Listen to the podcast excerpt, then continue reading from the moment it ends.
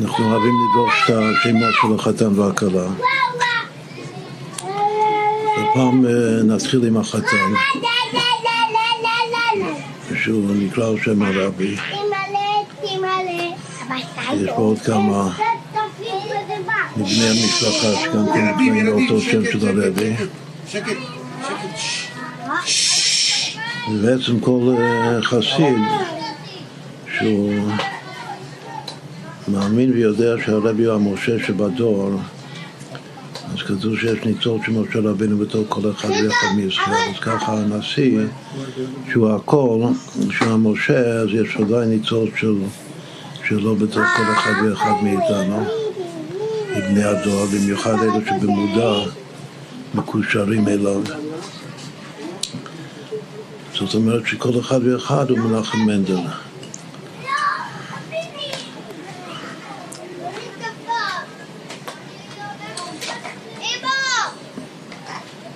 אוהבים לדרוש את הפסוק דור רביעי ישובו הנה שכל המנחם מנדלים של הדור שלנו הם בעצם הדור הרביעי של מנחם מנדל בגלל שהרבי נקרא על שם עצם הצדק.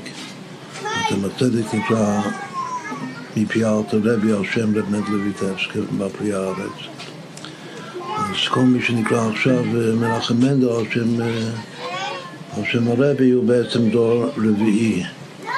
בדור רביעי כתוב דור רביעי השבוע הנה. זאת אומרת שכל הדור הרביעי שכולם זה מנחם מנדל, כמו שיש גם הסיפור המפורסם של הבעל שם טוב, שאלון אלימלך ראה את הבעל שם טוב מתחלק לשש מאות אלף שישים מבוא ניצוצות קטנים של הבעל שם טוב.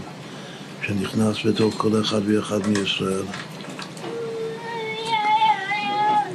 אז ככה זה גם כן אחד מהמשמעויות של גימל תמוז, שהרבי נכנס ממש, הניצוץ בתוך כל אחד ואחד בגלוי. זאת זה יותר קל להתקשר עכשיו, בגלל שיש את הגילוי של הרבי שבתוכי, בתוך כל אחד ואחד. כמו שהרבי גם אמר, שכל אחד צריך להיות האדמו"ר. לכן זה מאוד מתאים שכל אחד יתבונן בשם הזה מנחם מנדל.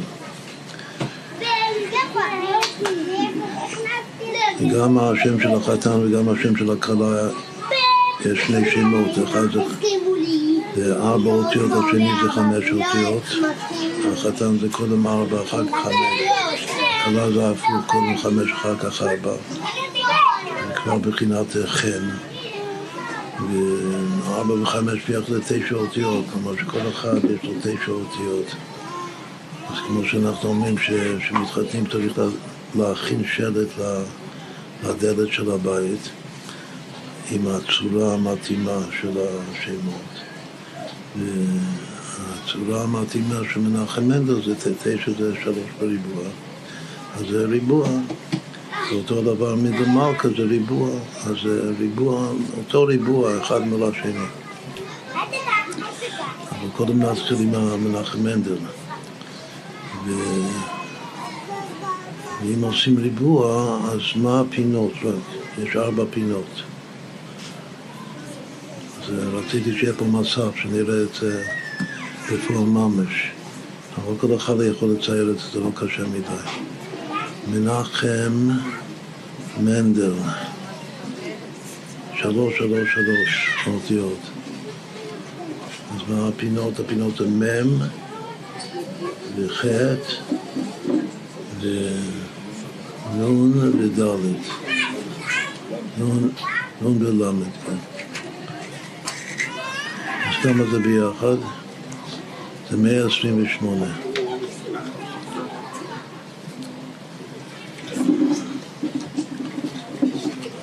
מה נשאר? אז זה שאר האותיות, חמש האותיות, חוץ מהפינות. אני רואה שיותר מעניין האוכל מאשר הדברי תורה. העיגול יותר מעניין, העיגול יותר מעניין מהריבוע. אם אפשר לשים שם דובדבן עיגול, עיגול. עיגולים זה למעלה מ... שמור, ריבוע.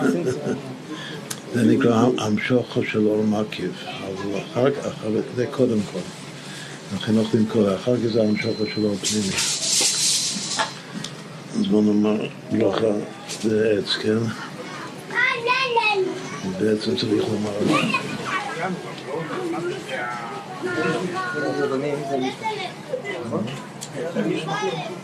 כן, אומרים את הברכה על הענבים. איפה הגוגל? ברוך אתה אדינו אלוהינו מלך העולם בבית לא כולם מסכנים כמוך לזכור מה זה גוגל. לא כולם מסכנים כמוך לזכור מה זה גוגל.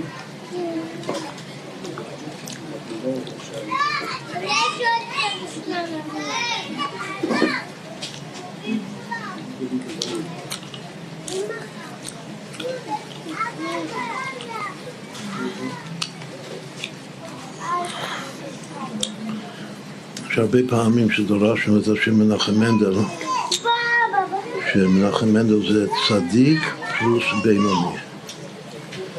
שזה בעצם, זה הכלל גדול של ספר התניא, שזה ספר בינוני. אבל גם כן לומד, הוא כותב בפירוט מה זה עבודת הצדיק, שזה עבודת ההתהפכה. הבינוני, שזה מידת כל אדם, מאחוריה ימשוך כל אדם, כל אחד ואחד יכול להיות בינוני. וכל אחד ואחד צריך לומר הלוואי בינוני לעצמו. יש משהו מיוחד בבינוני הזה. אבל יש גם צדיק, זאת אומרת, יש מי שאומר שאלתר רבי גם כתב ספר של צדיקים, אבל אין לנו את זה. מה שיש לנו זה התורה שבכתב של החסידות, שהיא תורת הבעל שם טוב ולא משהו אחר. אם התניא זה מה שיש לנו, זה תורת אבא שם טוב, זה תורת משיח. אז יש שם גם צדיק וגם בינוני, וכל אחד הוא קובע ברכה לעצמו, וכל אחד יש לו מעלה לגבי השני. יש לבינוני גם כן מעלה לגבי הצדיק. בכל אופן, מה זה מנחם מנדל? מנחם מנדל שווה צדיק פלוס בינוני, שניהם ביחד. איחוד, שתי המדרגות, הצדיק והבינוני. מה? הפינות שווה צדיק. וכל השאר, סליחה, הפינות שווה בינוני. זה המסגרת. וה, והפנימיות, או כל השאר, זה שווה צדיק.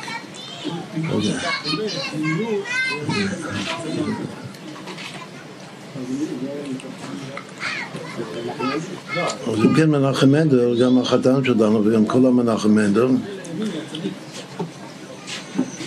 הם גם צדיקים וגם בינונים.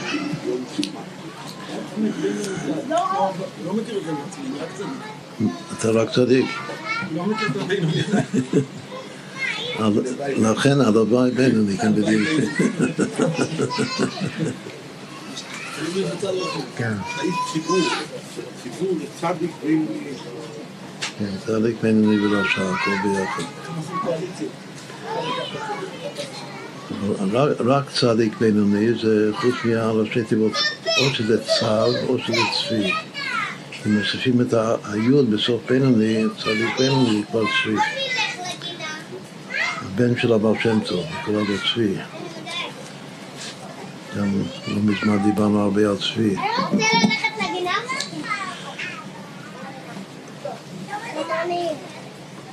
בכל אופן אמרנו שכל אחד יש לו מעלה לגבי השני, שזה המעלה של עבודת ההתקפיה הבינוני, והמעלה של עבודת ההתהפכה שזה הצדיק. וכמו הרבה דברים זה הולך לסירוגים. כלומר שיש בחינה של בינוני וצדיק ובינוני וצדיק וכך הלאה. אני לא זוכר אם פעם דרשנו את זה, דרשנו הרבה דברים כגונדה, אבל זה אני לא זוכר, אולי אתה זוכר, שיש י"ג כוחות פנימיים של הנפש, מאמונה עד שפלות. אז קודם כל נאמר, סתם צדיק ובינוני זה יסוד המלכות. הצדיק הוא הצדיק יסוד עולם, יוסף הצדיק, והבינוני זה שצריך להילחם ולעשות התקפיה אבל לא חוטא לא במחשבה, לא בדיבור ולא במעשה כל ימי חייו. זה התיקון של המלכות. המלכות יורדת לעולמות התחתונים שיש שם יצור הורו. היא צריכה להתמודד עם זה, להתגבר ולנצח. זה עבודת הבינוני. כמו שדוד המלך מצד אחד כתוב שהוא הרג את היצר הורו שלו, לכן הוא בבחינת צדיק, גם שזה לא צדיק של אה, התהפכה עדיין, זה רק שלב ביניים. אבל אה, בכל אופן, עצם העניין שלו, שדוד מלך ישראל חי וקיים, זה הלוואי בינוני, שכל אחד יכול להיות בינוני, בזכות דוד המלך. עכשיו, אם זה ככה שיסוד המלכות זה צדיק ובינוני, אז מה זה הכי גבוה נפלה מלמעלה? הפנימיות של יסוד המלכות זה אמת ושפלות. אמת זה הצדיק, הם קוראים לו צדיק אמת בזוהר. הצדיק נקרא זכאי. אז הכינוי של הצדיק זה אמת, איש אמת. כמו שגם כתוב בתניא, שה, שהעבודה של, ה, של הבינוני זה שפת אמת, תיקון נעד, אבל זה אצל הצדיק זה עדיין לא אמת, זה לא אמת האמיתו, רק שאצל הבינוני זה האמת שלו. זה גם מקובל למעלה. אבל עצם האמת זה הצדיק, והבינוני זה השפלות, המלכות. אבל איך זה עובד מלמעלה למטה, זה ממש הולך לסילוגים. שדווקא אמונה פשוטה שבדלה, שם השורש של הבינוני. שם השורש של מה, שה, מה שהחתן שלנו אמר במיימר בקבלת פנים, שההמשכה הפנימית זה נמשך מ... התענוג העצמי הבלתי מורגש. כמו שאנחנו מסבירים מה זה אמונה, כתוב שאמונה זה תענוג עתידי, שזה תענוג עצמי שעכשיו זה בלתי מורגש, יתגלה לעתיד לבוא. האמונה הזאת, מי הוא כולו אמונה? מצד אחד כתוב צדיק באמונה צריך יהיה, אבל הכוח אמונה וכוח המסירות נפש זה בעצם זה גבורה, זה כוח של עוז, של כגון עוז העצמות של דבר דבר. זה השלוש של הבינוני, שבזה הוא יותר מהצדיק. הבינוני הוא יהודי, יהודי שיש לו מסילות נפש, שיש לו אמונה פשוטה. לכן אבל שם טוב אהב את היהודים הפשוטים, שיהודי פשוט קשור לפשיטות העצמות. זה, זה בינוני שאתה, שקשור לפשיטות העצמות.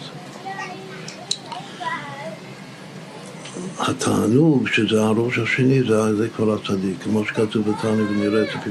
דרך יש פה ספר התניא.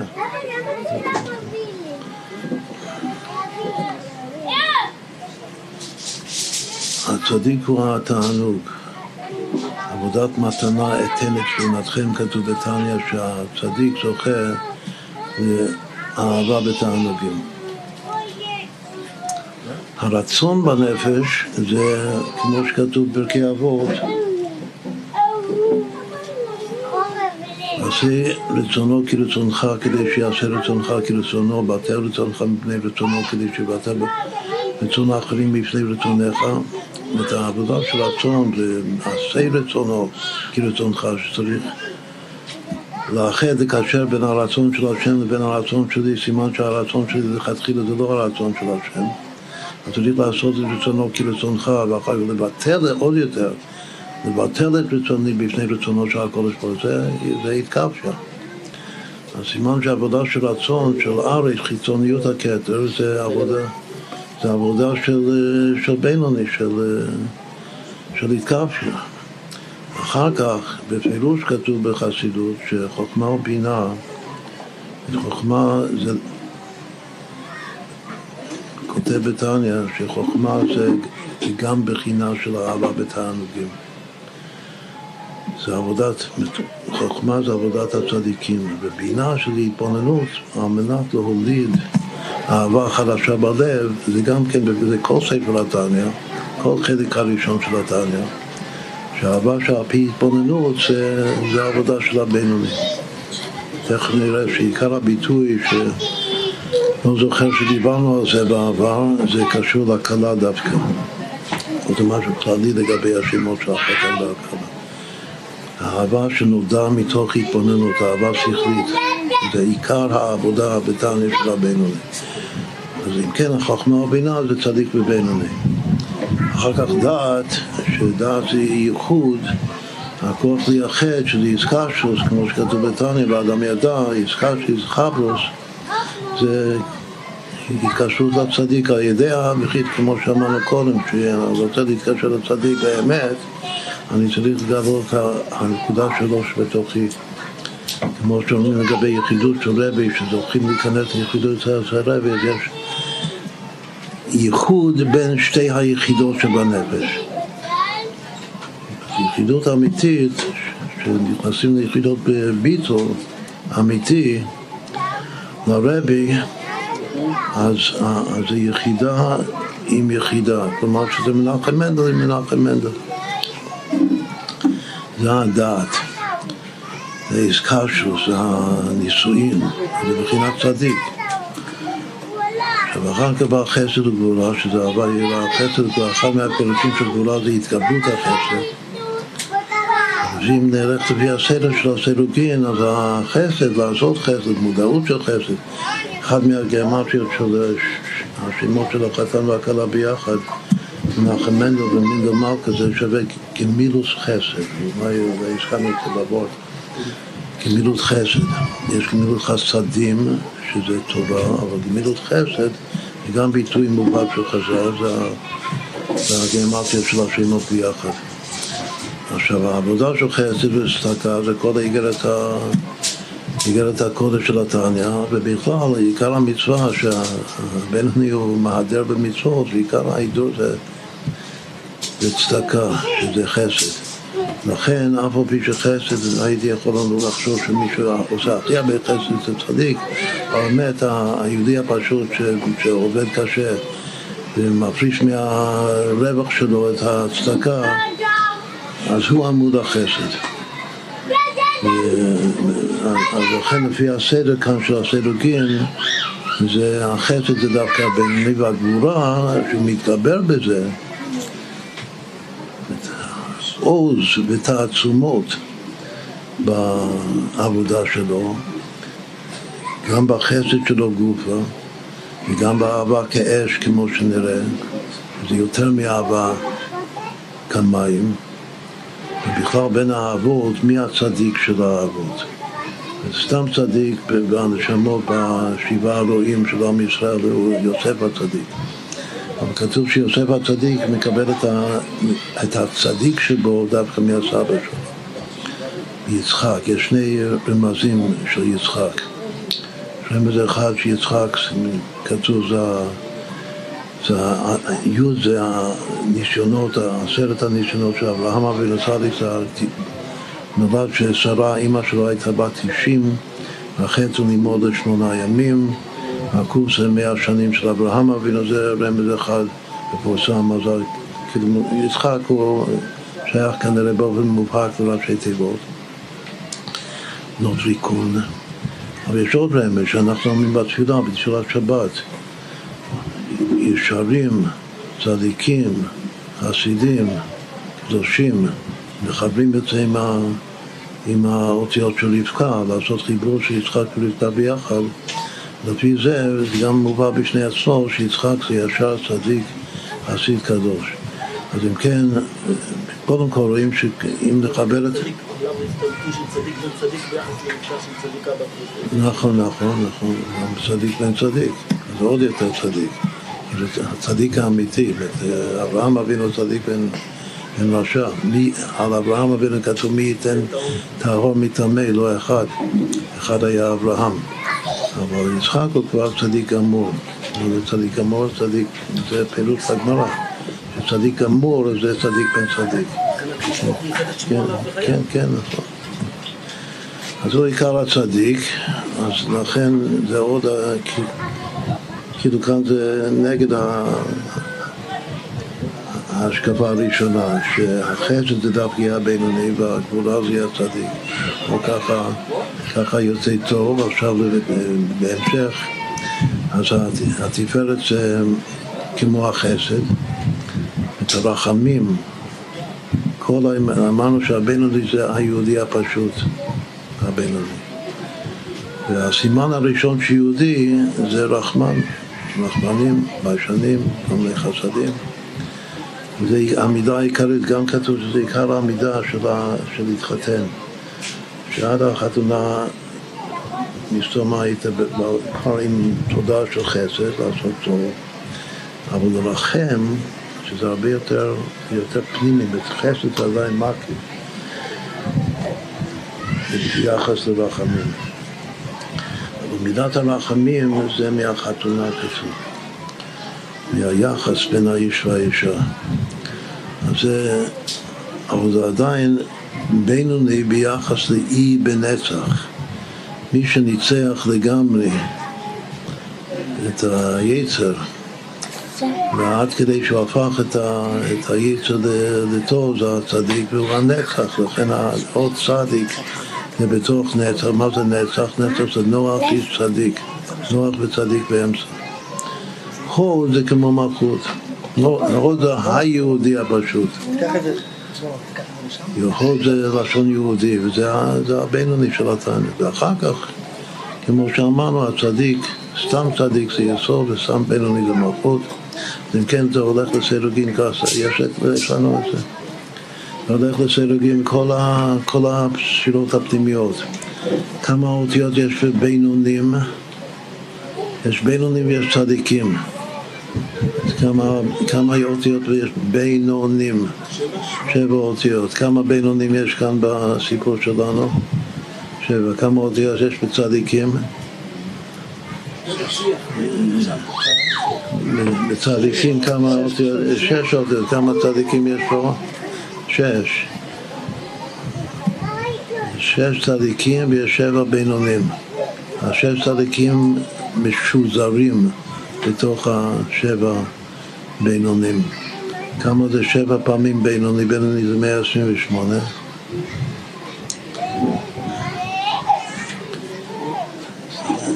שווה תמימות. תמימות. שבע פעמים בינוני, 896. ואם יש מידה אחת של הבינוני, שאחד מהשאלות של הבינוני זה ההוד, פנימות זה תמימות, אז זה יהודי תמים. התמימות זה הבינוני, וכמה זה, כמה זה שש פעמים צדיק?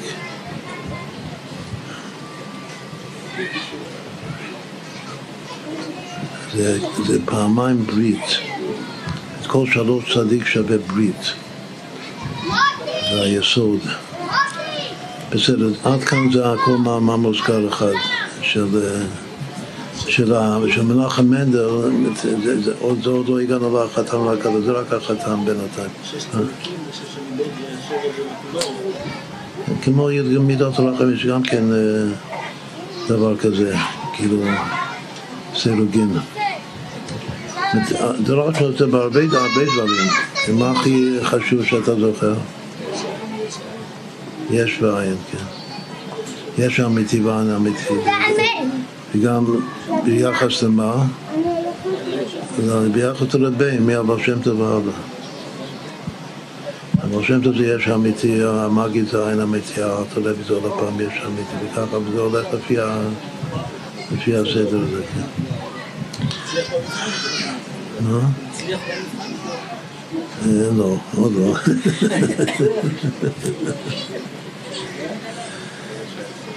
זה לא זכר מה שעוד לא אמרתי. לא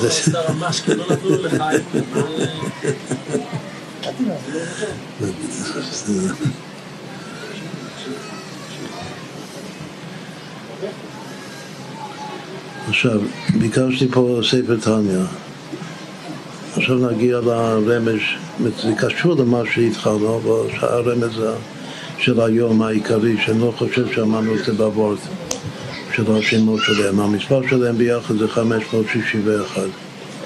והיות שאנחנו גם בתשורה וגם במשך תקופה מסוימת אנחנו דורשים פסוקים בשביל השירים. התשובה שלכם זה הפסוק הרביעי, בגלל שזו התשובה הרביעית בסדרה הזאת של הנכדים. כן ירדו. אבל עכשיו נדלג לפסוק קרוב לסוף שיר השירים. ושם בפסוק הזה בשיר השירים יש רמז מובהק. אפילו בתלת הזימני הווה חזוקו. יש הרמז הזה שלוש פעמים בתוך פסוק אחד לשמות שלכם. זה משהו פלאי פלואים מבחינה מספרית. שזה הפסוק שיש על זה דרוש ארוך עם ביאור ארוך גם בליקוטיטרו וגם בפלח הרימון ובשאר המקומות בחסידות. סימני כחותם על ליבך, כחותם על זרועיך, כי עזה כמוות האהבה, קשה כשאול קינה, לשפר רשפי אש של הבט י"ק, של הבט ק'. נתחיל מהסוף, שה... שאם מסתכלים במנחת שי, אז הוא אומר שלפי המסורה של בן אשר, שזו המסורה שאנחנו סומכים עליה, שלהבת י"ק זה מילה אחת. וכמובן גם נוגע לכל מיני רמזים בפסוק. אבל מה שזה נוגע בפשטות איך, איך אני אומר את זה. אם י"ק זה שם בפני עצמו, זה צריך, צריך לומר י"ק או י"ק או משהו. אבל אם זה חלק מהמילה, כלומר שזה בא להגדיר או לפאר את המילה הזאת של הבט, אז לכאורה אני יכול לומר של, של הבט יא. ובאמת כתוב של הבט יא. יש שווה, יש שווה תחת התף. שלהבת יש שווה, שווה, שווה מרחף זה נקרא, תחת התף. לפי בן אשר, כן, אבל למה אני אומר את זה? בגלל שמסתומר יש איזו הקלטה של הרבי שהוא מצטט את הפסוק הזה, לשפר רשמי של הבט י', איך, איך הוא אומר את זה. מדובר, מסתום... לשמוע את המים רב בתוך ל"ח, רב במוציא שבת. השאלה היא... אפשר לשמוע את זה עכשיו, זה במפתח. אבל איפה זה נורא? ברור, זה כתוב בפסוק הזה, אולי זה גם... לא, הוא שואל אם אתה מדבר בשעת שנייה. טוב, אז יש בפסוק הזה, יש, אם לפי המסורה של בן אשר, שזו מילה אחת, אז יש חי מילים. ולפי איך שלא נכתוב את זה, האותיות זה אותו הדבר, יש בדיוק 70 אותיות. זה כבר uh, נשמע טוב, חי ו-70. אבל מה הרמז לחתן ולכלה? הרמז זה שלוש המילים עזה כמוות אהבה. כמובן זה משהו מאוד חיובי הדבר הזה. עכשיו אפילו מי אומר את זה למי זה לא מאה אחוז ברור, אבל לפי הדפוס של... מה, זה היה?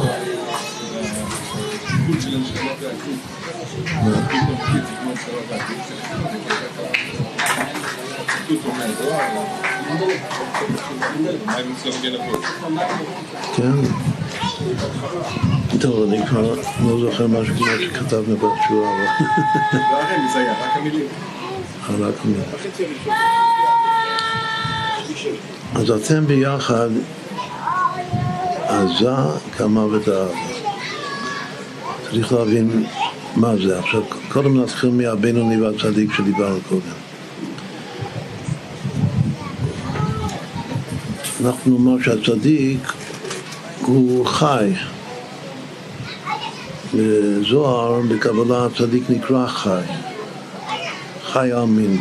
כמו שנקרא אמת, כך הוא נקרא חי. עכשיו, דוד הוא בר נפלה. אמרנו שהמלכות סתם מלכות. המידה בנפש של בר נפלה, שכל הזמן יורד, נופל, זה, זה גוף השפלות. לכן הפנימיות של המלכות, הנשמה של המלכות זה שפלות. ויש בזה שורש כמו כאן ברדלה, את השורש של המלכות, השורש של הכלה, יותר גבוה מהחתן. האור הפנימי זה בא מה, משום מתענוג העצמי הבלתי מורגש, שורש של אור מקיף, שזה בעצם שורש של החתן, זה בא מהתענוג הפשוט המורגש, שלפי המזרבי, זה הרבי לא מביא במאמר, אבל המקור של הביטוי הזה, תענוג הפשוט המורגש, זה לשון האדמו"ר האמצעי. נו?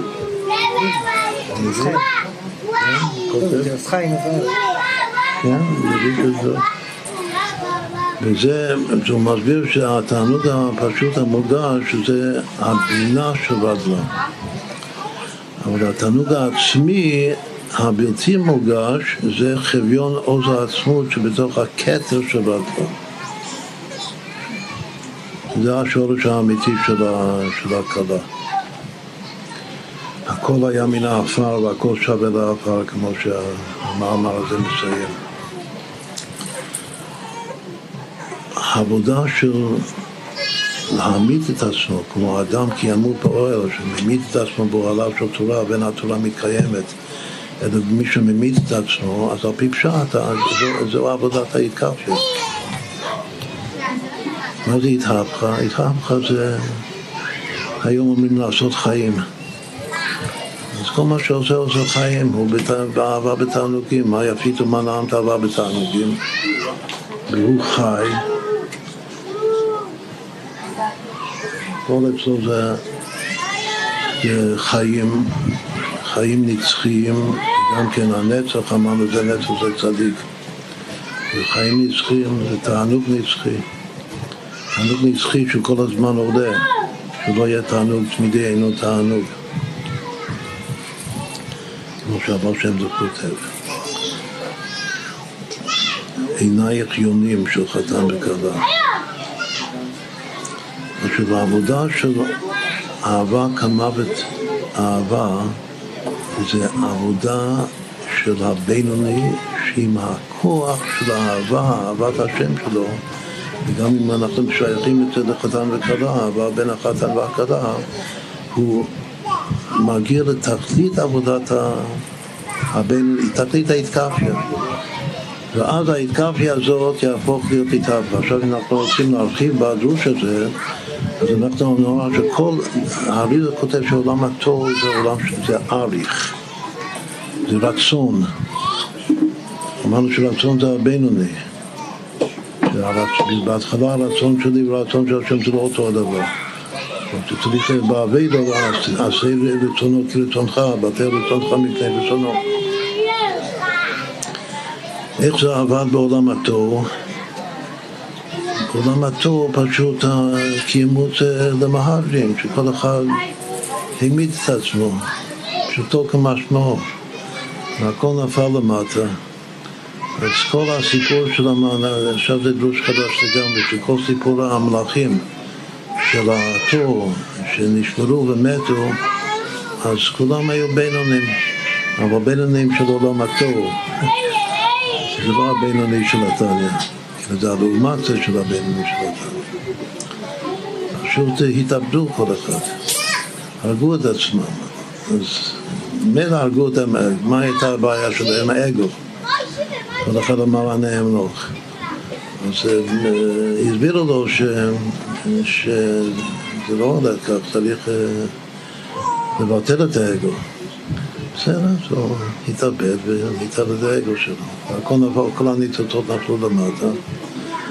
ועכשיו העבודה שלנו זה להחזיר אותם, להחזיר אותם מהשורש. עולם התיקון זה כבר אורות מועטים. יש משהו בצדיק שדווקא אורות מועטים. לכן הוא יכול לעשות חיים, לעשות כיף, בלי להישבר, בלי למות. זה שוב, זה דרוש שלם בפני עצמו. עכשיו, אמרנו שיש פה דגש מיוחד על הכלה. עכשיו, הכלה בפני עצמה, שיש לי גם זיקה וחיבה מיוחדת על השם שלה, השני, בגלל שזה גם שם של אמא שלי, ששם של חיבה זה מלכה. ו... ומלכה ש... שווה אהבה עזה. עכשיו, כשאנחנו לומדים חסידות, אז מכירים כמה וכמה דרגות כלליות של אהבה. יש אהבת עולם, יש אהבה רבה, יש אהבה בתענוגים, אבל יש אהבה מיוחדת, שזה לא אחד מהשלושה האלה, זה משהו אחר שקוראים לזה אהבה עזה. והאהבה המקורית בספר האהבה עזה. והביטוי הזה, אהבה עזה, לכן ביקשתי את התניא, זה כתוב שבע פעמים בספר התניא.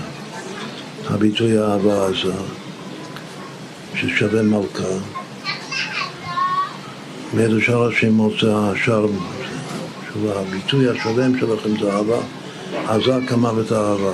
שמים את העזה עם, ה, עם האהבה, זה אהבה עזה, מלכה. אז נתחיל מההתחלה, איפה כתוב פעם ראשונה? אלתר רבי מאוד מאוד מחבב את האהבה הזו, ואף אחד לא שם לב, לא ראיתי אני לא מכיר, אבל לא ראיתי שום מאמר או משהו שמדגיש דווקא את הביטוי הזה, לא אהבת עולם, לא אהבה רבה, לא אהבה בתענוגים. פתחתי את, קודם, לפני שעה, פתחתי את ספר הערכים. על האהבה. אז יש שם כרך שלם על כל הדרגות של האהבה בחסידות חב"ד. וזו עבודה גדולה, אין שם בכלל ערך האהבה הזו.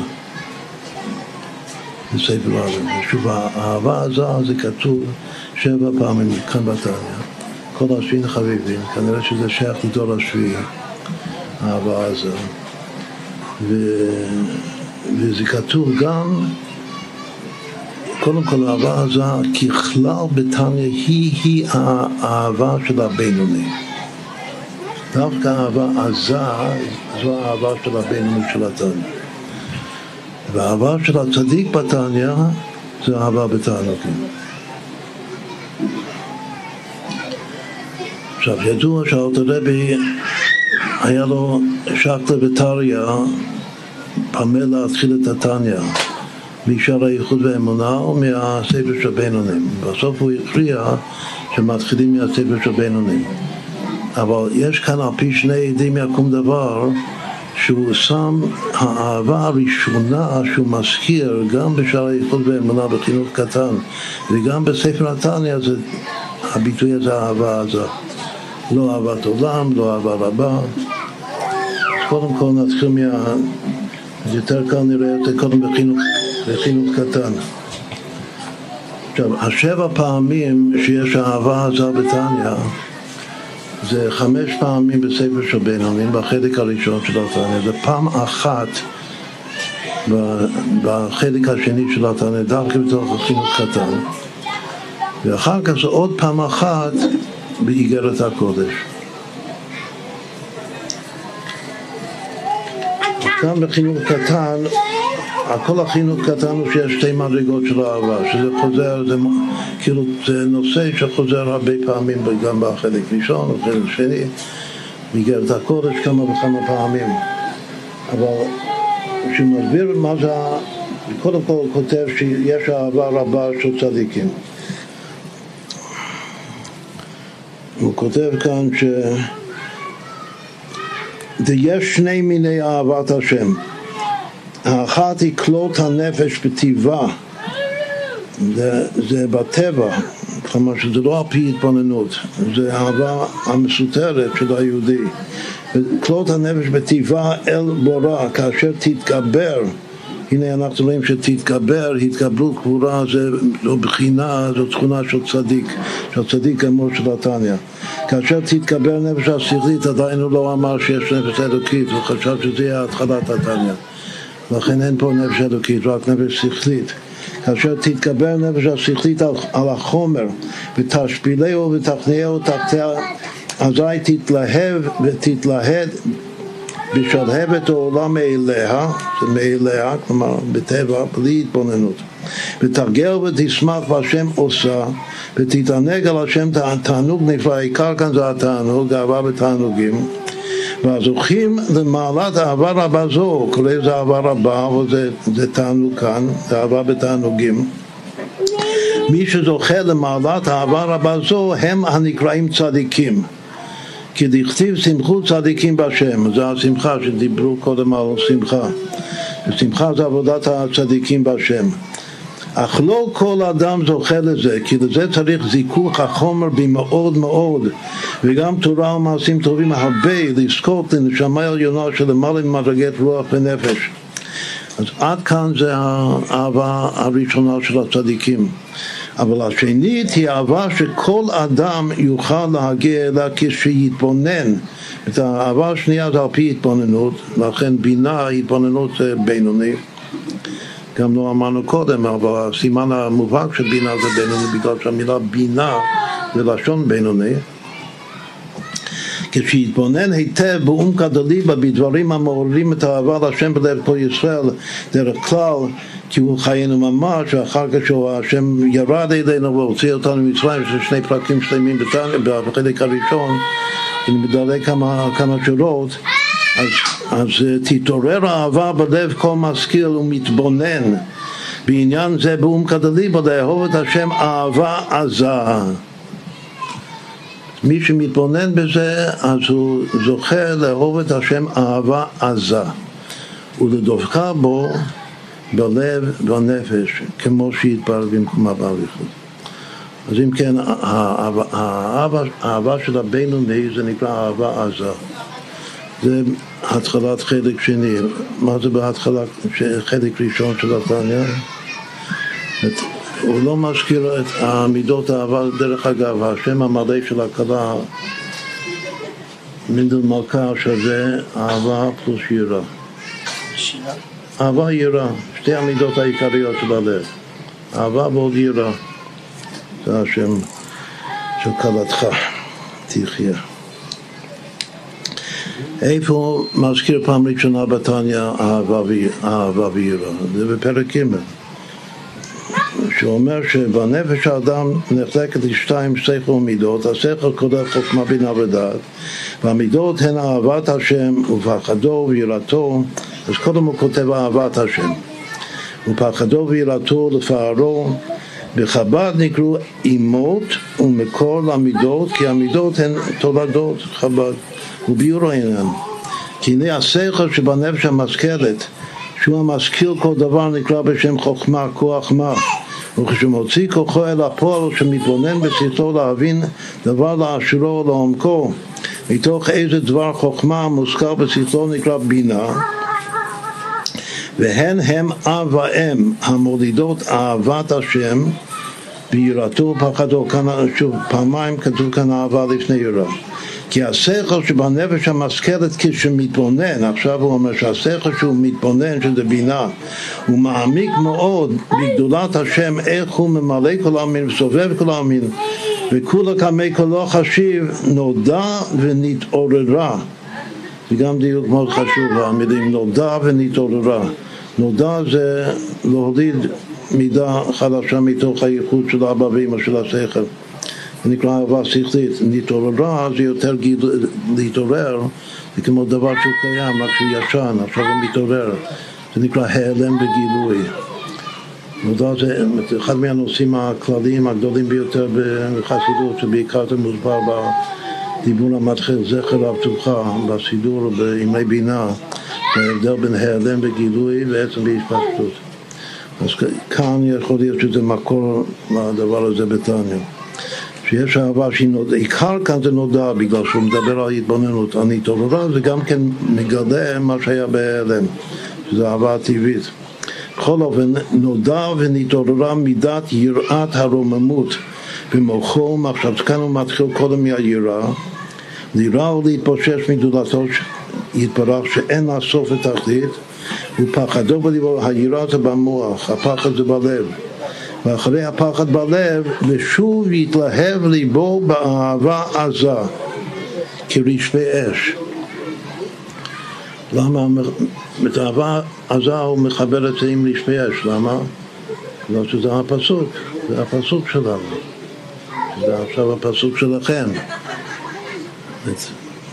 עזה כמוות האהבה, רשפיה רשפי אש של אבטקה. סימן שהאהבה עזה זה רשפי אש. וזה עיקר עבודת הבינוני. רשפי אש וחשיקה, עכשיו הוא אמר עוד משהו יפה, חשיקה וחפיצה ותשוקה ונפש שוקקה לגדולת אינסוף ברוך הוא. והיא כלות הנפש. את האהבה הזאת זה כלות הנפש. מה שראינו בשערי, בחינוך קטן אז הוא כתב שמה כלות הנפש של האהבה של הצדיקים אבל מה הוא כתב בדיוק?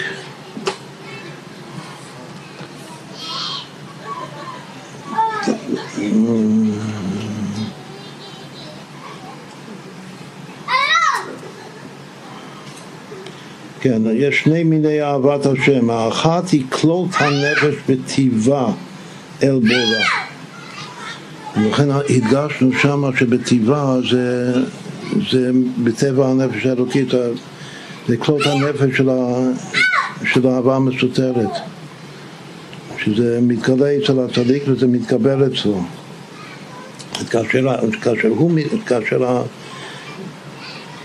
כאשר תתקבל נפש השכלית על החומר ותשפילה וכו' בכל אופן זה כלות הנפש בטיבה אל בורא זה היה האהבה של הצדיק, אבל כאן זה האהבה של הבינוני שזה אהבה עזה כרישי אש, וחשיקה וחפיצה ותשוקה ונפש שוקקה. היא גדולת אינסוף והיא כלות הנפש. כי דכתיב נכתבה וכולו מה יש כאן גם רמז מאוד יפה, כמה שווה רשפי אש. רשפי אש זה מהפסוק, לשופר רשפי אש. ישפי עד שזה 891 שווה בדיוק כלות הנפש. זאת שהביטוי הזה, כלות הנפש, שזה ביטוי רווח מאוד בכל, התן, בכל החסידות, זה רשפי אש, וזה אהבה עזה דווקא. אחר כך כותב ארבעה לשונות, חשיקה, חביצה, תשוקה ונפש שוקקה. אז קודם חשבתי שעל פי פשט צריך להיות י"ק ו"ק, אבל יותר מדויק ואנחנו נראה איך שזה חוזר, אבל כבר נפתח פרק י"ג, שזה עוד פעם שכתוב אהבה עזה. יש, יש אחד באמצע, אבל נפתח רגע פרק י"ג בתניא.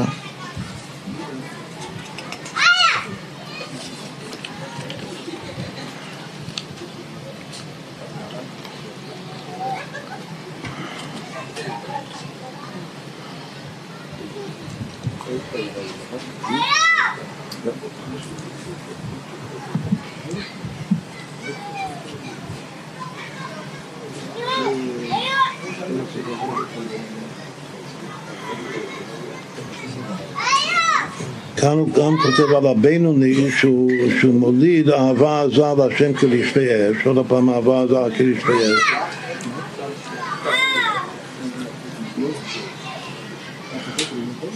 אבל כאן הוא כותב לכן היה רבא מחזיק עצמו כבינוני את כל הזמן היה במצב של אהבה עזה, כרשפי אש הוא החזיק את עצמו כבינוני, אף לא פסיק פומי מגרסה ובתורת השם חפצו יומם בלילה בחפיצה וחשיקה ותשוקה ונפש שוקקה. זה פילי פלואים, שבשני מקומות בתניא הוא כותב את אותם ארבע לשונות, רק שיש שינוי. מה השינוי? שבפרק ג' הוא כתב קודם כל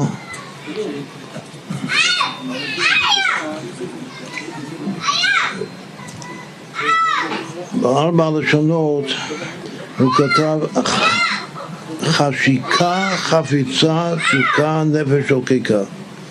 ובפרק י"ג הוא כותב הוא כותב חפיצה, חשיקה, תשוקה, נפש שוקקה. כלומר שהוא מחליף את שני הראשונים. מה בא קודם, חשיקה או חפיצה? בפרק ג' זה חשיקה לפני חפיצה, ובפרק י' זה חפיצה לפני חשיקה. אז זה כבר אומר דורשני גדול. כן, הדיוק הזה בתניא, וגם לא ראיתי אף אחד שמתייחס לזה, אלא בכלל שמסביר את ה... לא, יש רק אחד יש וורד של רב הלל שהארבע לשונות כאן זה ארבעה, היות שזה מדובר באהבה כריש ואש אז זה כמו נר, ויש בנר ארבע דקות, יש ארבעה גוונים בתוך האור של הנר. זה וורד של רבי לא מסביר איך בדיוק. יש כאילו- פחדו ואירוסי, יש כן מה?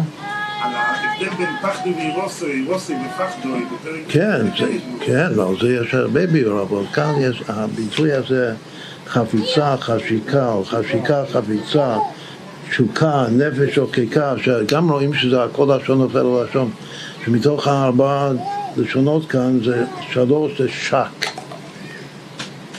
ש"ק, שזה גם השער של נשיקין, ייחוד נשיקין. חשיקה, תשוקה, נפש שוקקה.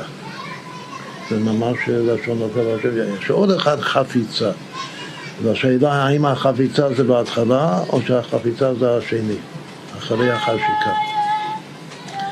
אז אה, אם זה י"ק ו"ק, זה שני צירופים של י"ק ו"ק. אבל אחר כך כשחשבתי על זה קצת יותר, אז אה, נראה לי שעבור, יש פה שני דברים, בעצם יש שלושה לשונות שזה די ברור. חפיצה זה חפץ חסד, זה חסד. תשוקה, כתוב בפירוש, שוקיו עמודי שש, זה עולם שהשתוקק הקודש ברוך הוא, תשוקה זה לשון שוקיים, שזה נצח, או שזה נצח והוד. ונפש, סתם נפש זה מלכות. ומה שהנפש היא שוקקה זה אי בהוד. אז זה ממש אותו, אותה מילה, תשוקה ונפש שוקקה. אז אה, התשוקה זה הנצח, זה השוק ימין של הנצח, והנפש שוקקה זה המלכות שהיא בהוד, שזה השוק, השוק השמאלי של, התשוקה הזאת, והחפץ זה החסד, אז מה זה חשק? חשק השם בכם, לא, לא מרובכם. חשק השם בכם, ויבחר בכם, כי אתם המעט מכל העמים, שממעטים את עצמכם. בכלל, מה כתוב בקבלה המילה חשק? כתוב שחשק זה ה... מה אתה זוכר? זה, הנוטריקון של הניקוד של שם הוויה. חולם שווה קמץ, או שחק, שזה שווה חולם בקמץ. מי בשחק? אז החשק הזה זה הוואי בחוכמה. זה קצת חידוש שבתוך חוכמה יש חשק. החפץ זה בחסד, שזה היום הדרזילים כולו ימין, אבל התשוקה והנפש שוקקה זה, זה כבר תכלס, זה למטה, זה בנצח והוד, במלכות. אז לפי זה, למה הוא, הוא מחליף את הסדר? שבפעם הראשונה הוא כותב חשק לפני חפץ, כמו שזה לפי הסדר שאמרנו, זה חוכמה לפני חסד. אבל למה הוא משנה אחר כך שיש חס, יש חפץ לפני חשק? בגלל שהשורש של החסד זה רב חסד. אית חסד ואית חסד, סתם חפץ חסד זה דווקא החסד של עתיק שמתלבש בגולגלת דאריך. זה נקרא העונג שבתוך הרצון, החפץ. אז יש בהחלט מקום לשים את החפץ לפני החשק. שזה בפרק י"ג. בכל אופן, מה ראינו כאן? ראינו שהפעם הראשונה שמזכיר את האהבה, אהבת השם, בתניא, גם בחלק שני וגם בחלק ראשון הוא קורא לזה אהבה עזה, בגמטריה מלכה. אחר כך, הפעם השנייה זה בפרק ט'. ושוב, הוא כותב שזה אהבה על פי התבוננות, אהבה קריש ויש, או דווקא על פי התבוננות, אהבה שכלית.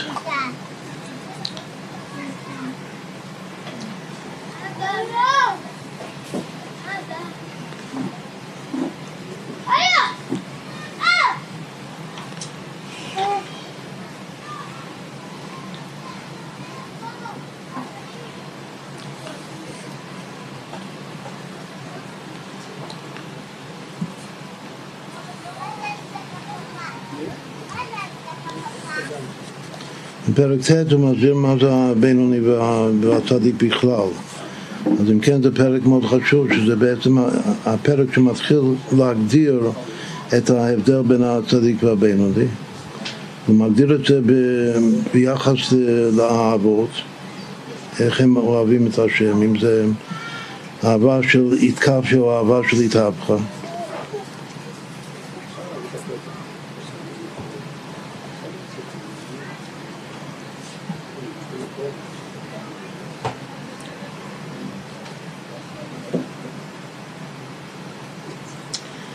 דווקא כאן, כשהוא מדבר על האהבה, האהבה של הצדיק, הוא כותב ככה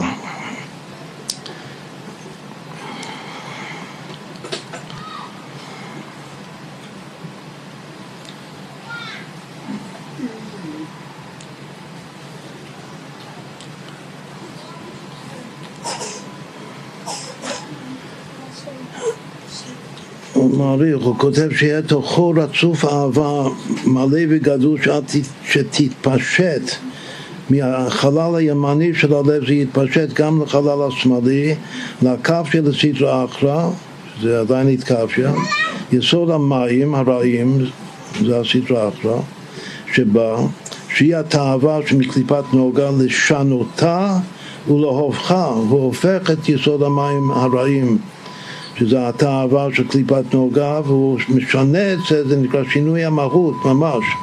הוא הופך את זה מתענוגי עולם הזה, הוא לוקח את התענוג של העולם הזה והופך את זה לאהבת השם. כמו שכתוב בכל לבבך בשני יצריך. והיינו שיעלה ויבוא ויגיע למדרגת אהבה רבה וחיבה יתרה ממדרגת אהבה עזה כריש ואש והיא הנקראת בכתוב אהבה בתענוגים.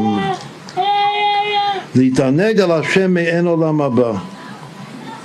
והעונג הוא במוח חוכמה. אז כאן הוא אמר לנו כמה דברים שזה תוספות חשובות מאוד בנושאים שדיברנו לאחרונה. הוא אומר שיש אהבה של הצדיק שזה יותר מאהבה עזה. אז ממילא כאן הוא ממש משווה אותם, אז הוא מגדיר את ה... מה זה האהבה הזאת שזה יותר מאהבה? זה אהבה בתענוגים. ואיפה זה נמצא אהבה בתענוגים? במוח החוכמה.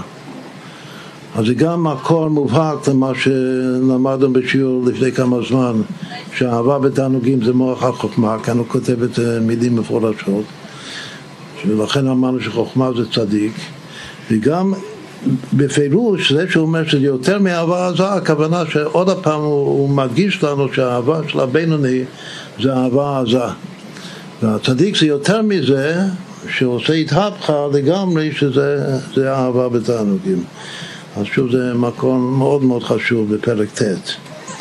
אחר כך זה המקור בפרק י"ג, הפעם השלישית שכבר קראנו את זה. אחר כך ששוב, פרק י"ג אולי עוד פעם רק נזכיר מה, מה החידוש שם.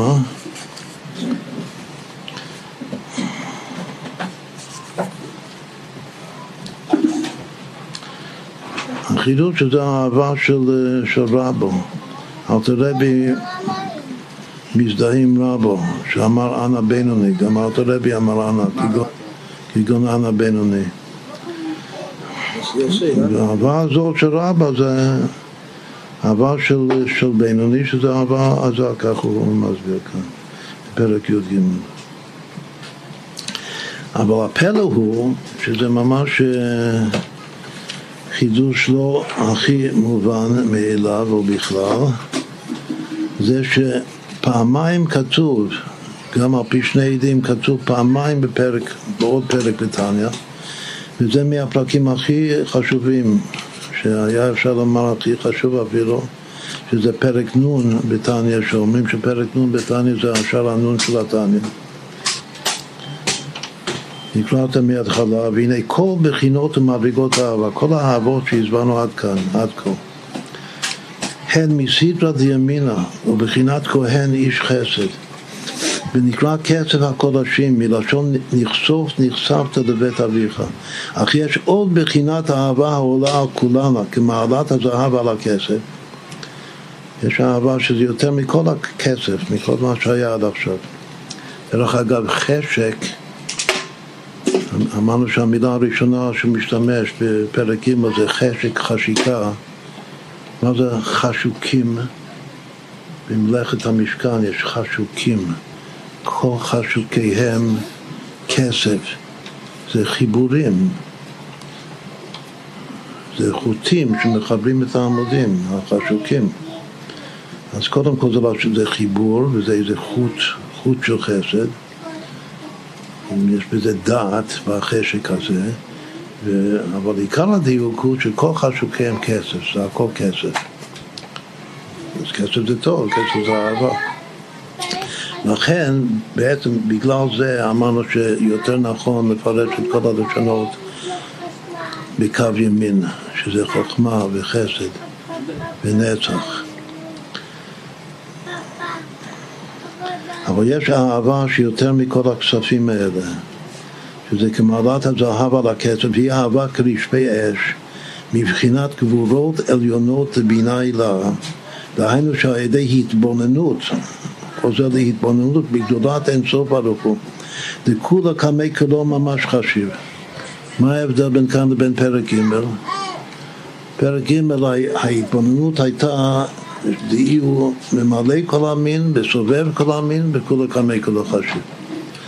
בשביל להגיע לכולה קמי כלו חשיב היה צריך עוד שתי דרגות קודם, כאילו קודם להתבונן שהשם ממלא כל המין, אחר סובב כל המין, אחר כולה קמי כלו חשיב, כמו שמוסבר בחסידות זה נקרא קדוש קדוש קדוש. הכולה קמי כלו חשיב זה הקדוש שיש פסיק טעמה, אחרי זה הכתר שהבנים עשו אבל נותנים את זה למלך, להשם, והשם לוקח לעצמו. יש עוד שני קדוש שהמלך מחזיר את שני הכתרים לבנים שלו, שזה סובב כל המין וממלא כל המין. אז אם כן, ההתבוננות בפרק ג' זה היה לפי הסדר מלמטה למעלה. ממלא, סובב, כולה קנה. אבל כאן, פתאום בפרק נ', אז יש, זה גם כן אהבה שעל ידי התבוננות דווקא, זה לא אהבה מסותרת. לא אהבה טבעית, צריך להתבונן.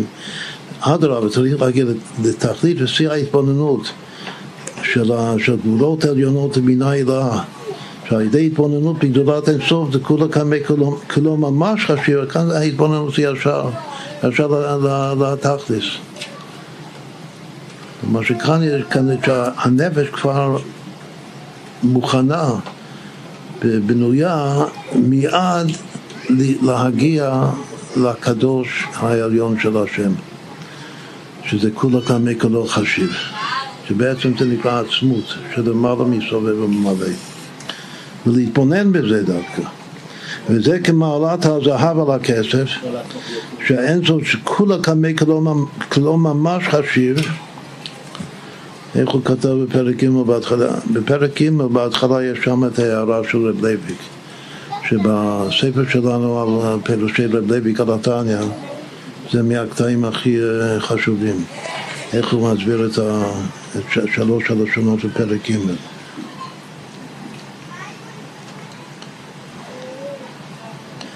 כאן הוא כותב את כולה כמי כולו חשיב, בלי ממש.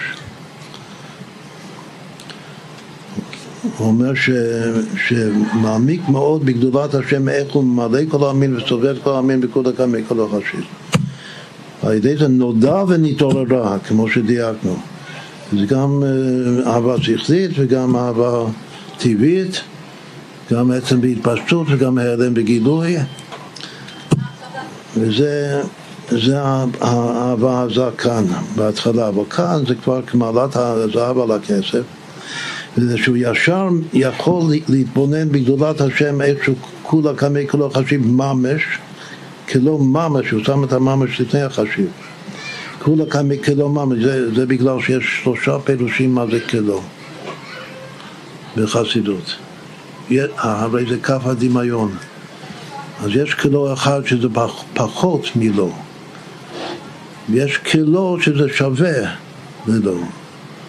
ויש כלא שלשלול את זה, לומר שזה לא חשיב, זה, זה לא זה, זה לא שייך.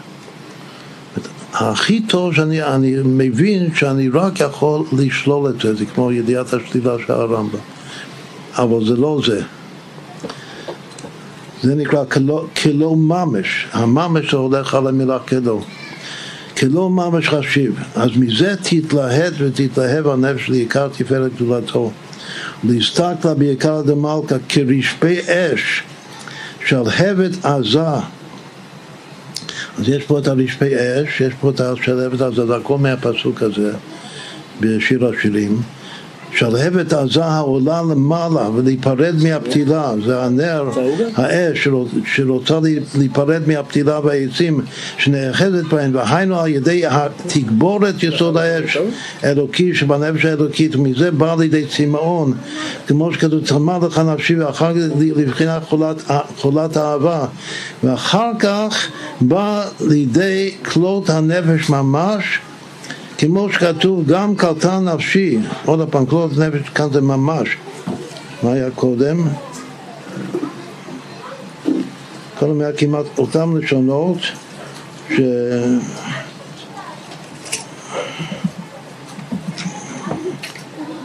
אזק רשפי אש, כלות הנפש, נכנסו וגם קלטה, צמא נפשי לאלוקים, תבצמא לך נפשי, והסימון מצודש, לא, לא כלות הנפש, היה כלות הנפש. כלות הנפש, כי דכתיב בלי ממש. זה פה גם על פי שני עדים, שדווקא בפרק נ' הוא מוסיף גם, גם על, על כלו ממש וגם כלות הנפש ממש. כמו שכתוב גם כלות הנפשי.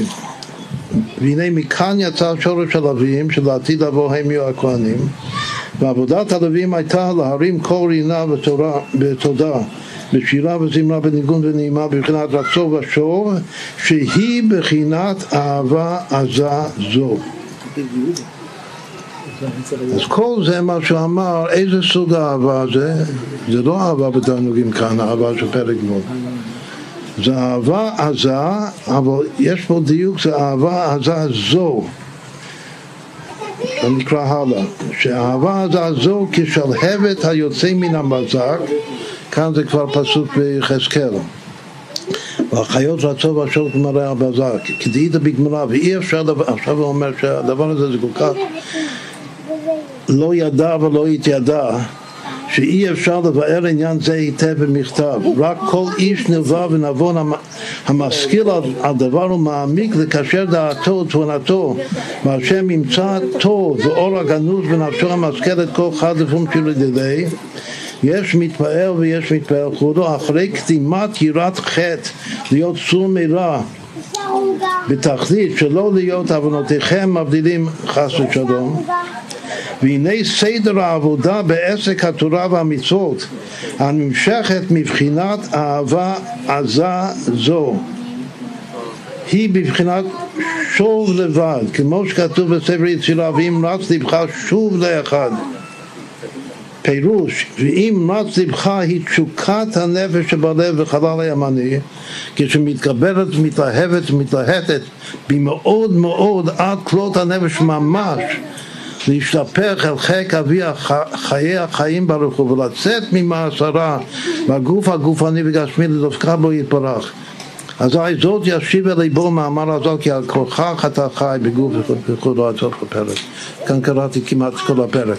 בכל אופן, מה יש כאן? יש פעמיים, האהבה כאן זה פעמיים, הוא קורא לזה אהבה עזה.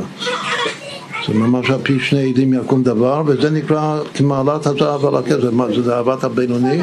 ועד כאן זה היה ברור שאהבה עזה זה אהבה של הבינוני. אבל כאן בפרק נ' מה, מה זה אהבה עזה? אז קודם כל הוא כותב פעמיים אהבה עזה זו. מה זה משמע אהבה עזה זו? זה משמע שיש אהבה, שיש שתי בחינות באהבה עזה. יש אהבה עזה הרגילה של הבינוני, שזה פרק ג' ופרק ט' ופרק י"ג, וכאן זה גם אהבה עזה. אבל ייתכן שהאהבה עזה הזאת זה יותר אפילו מאהבה בתענוגים של הצדיק. מה שיוצא מכל מה שלמדנו כאן, ש, שיש כל האהבות שדיברנו, אהבת עולם, אהבה רבה, אפשר לומר שיש רק שתי אהבות. יש אהבה עזה ויש אהבה בתענוגים. רק שיש שורש של דווקא אהבה עזה כמעלת הזהב על הכזה, אפשר ענון. כלומר שאהבה עזה זה בא מבינה. אבל אם זה בא מהמ"ט שערי בינה, מה שמשה רבנו השיג בעמדין, אז זה פחות מאהבה בתענוגים, שזה כבר שכר של הצדיקים. אהבה בתענוגים זה עבודת מתנה אתן את כהונתכם. אבל יש משהו שזה למעלה מעולם הבא, מהשכר של הצדיקים. שזו אהבה הזו שאי אפשר להסביר את זה בכתב בכלל. זה עוד פעם האהבה הזו. כמה שווה, אז אמרנו עכשיו שיש רק שתי אהבה, יש אהבה עזה ויש אהבה בתענוגים. כמה זה ביחד? ביחד תעשו חשבון, זה שווה נצח ישראל, שווה, זה אהבה כפול גן. באתי לגני גן, פעמים אהבה, זה אהבה בתענוגים, אהבה עזה. אז אם כן, יש פה שלוש פעמים אהבה עזה, שזה הגדר של הבינוני, יש פה פתאום אהבה עזה זו פעמיים בפרק נ', שזה צריך עיון מה זה. כאילו זה יותר, יותר מהכל. בגלל שזה כמעלת הזהב על הכסף. אבל שוב, זה דווקא לא אהבה רבה ולא אהבה, אהבת עולם, יש אהבת עולם שזה אהבה נצחית, זה דווקא אהבה עזה בגנת מלכה. הכל כדי שתדע איך להתייחס לקדש שלך, כן, במה מדובר, כן.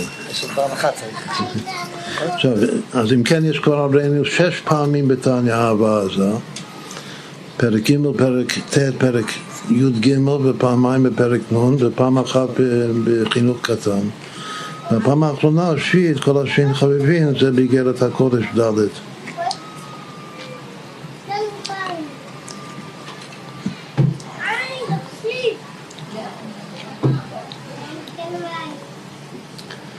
הוא אומר שיש חיצוניות הלב ופנימיות הלב. חיצוניות הלב היא התלהבות המתלהבת מבחינת הבינה והדת בגדולת השם אין סוף ברוך הוא, להתבונן בגדולתו ולהוליד מתפונה זו אהבה עזה כרשפי אש. זה חיצוניות הלב, וזה עבודת הבינוני, כמו שיסביר בהמשך.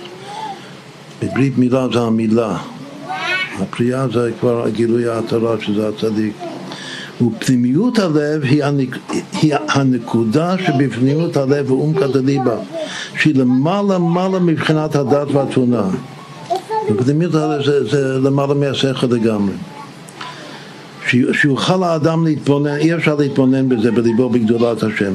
כמו שכתוב ממעמקים פרטיך השם מעומקא דליבה זה פנימיות הלב. ואז הוא נותן לזה משל שאדם עושה דברים מפנימיות הלב אז זה ממש כן, כן, בדיוק. לדבר דברו שגורם לו לפעמים לעשות מעשים, לעשות מעשים, לדבר דברים שלא בדעת כלל. זה בא לו דווקא מפנימיות הלב, אבל חיצוניות הלב זה אהבה עזה. אז עוד פעם זה חוזר לכלל הגדול של ההתחלה, שהאהבה עזה זה גדר האהבה של הבינוני.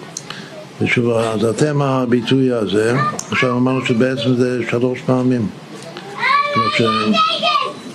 שעזק המוות הבא זה 561, השמות שלכם.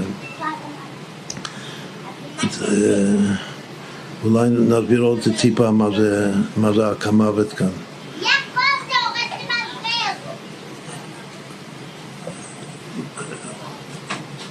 יש ביטוי שגם דיברנו על זה הרבה לאחרונה שנקרא פושט צורה ולובש צורה. כתוב שאי אפשר צמיחה חדשה. צמח שמו, מתחתיו יצמח, המשיח הוא נקרא צמח, מנחם מנדל הוא צמח, צמח צדק, מנחם, וכלל גדול בחסידות גם מובא בכמה מקומות בתניא, שהצמח לא יכול לצמוח בלי הריקבון של הגרעין. שהגרעין צריך, הזרע צריך להירקב, רק אז מגלה, כלומר זה מעלה מן לכוח הצומח שבאדמה, שמזה נעשה הצמיחה החדשה, כלומר משיח. שיש רמז מפורסם שהמילה ריקבון, כמה שווה ריקבון? ריקבון, כמה שווה? ריש ק"פ ו"ן. שווה משיח. כלומר שיש משהו מהותי, עצמי. כן, כמובן. אין יוד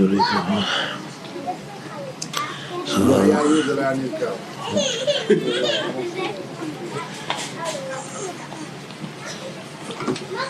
איך עוד קוראים לדבר, לתופעה הזאת? שוב, דוד המלך, שהוא משיח משיח בן דוד, אז הוא בר נפלה. ודווקא בגמרא, בר נפלה זה הולך המשיח, הבר נפלה. בר נפלה זה שהוא מת וקם לתחייה כל רגע. מה זה, מה קורה, מה זה? מה זה התופעה הזאת? אז התופעה הזאת קוראים לזה פושט צורה ולובש צורה. או שקוראים לזה שינוי המהות. שכל רגע הוא משנה את המהות שלו. הוא מתחדש לגמרי. הוא לא מתחדש בחיצוניות בלבד, מתחדש ממש. זאת אומרת שכל רגע הוא מת וחי. ריקבון והחי מחדש, כאילו לא חי אותו דבר שהיה קודם. הוא מת בשביל להירקב, שהצורה הקודמת תירקב, איך, מה התופעה הכי יפהפייה של זה בטבע?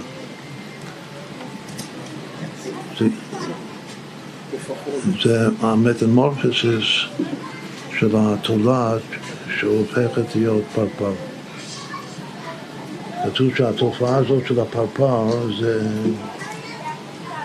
היופי של הפרפר זה היופי של משיח. וקודם זה תולעת, שזה דוד המלך, ואנוכי תולעת ולא איש. אבל התולעת צריך uh, להירקב, כלומר פושט צורה. ואז פתאום היא לובשת צורה חדשה שאין שום קשר. ומי שרואה את הפרפר הוא לא, לא מבין שפעם זה היה תולעת. לפרפר בין חיים למוות. כן.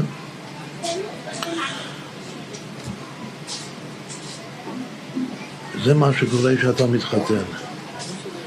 להתחתן זה שינוי המהות. אחד מהגיאמטיות שלכם זה לא טוב היות האדם לבדו, זה הזכרנו את זה המהות הראשונה זה מהות של, שעדיין של תוהו, תוהו זה איש בלי אישה, כמו המלאכים של עולם התוהו.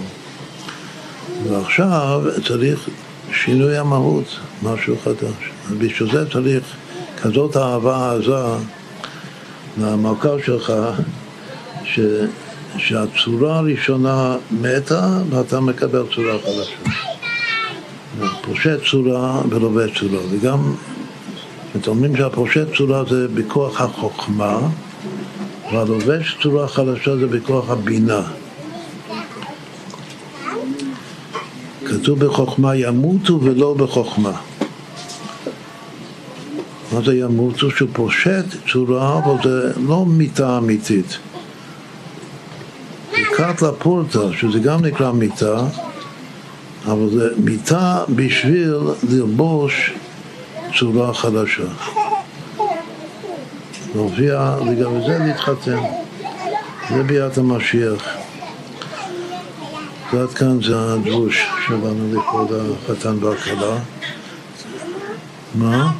אה, שלוש פעמים. שלוש פעמים באותו פסוק. איך חז"ל דורשים בכלל? הביטוי הוא עזה כמה ודאבה, זה הגרמטית שלכם. איך דורשים את זה חז"ל במדרש? דורשים את זה בשש דרגות. דורשים את זה ש...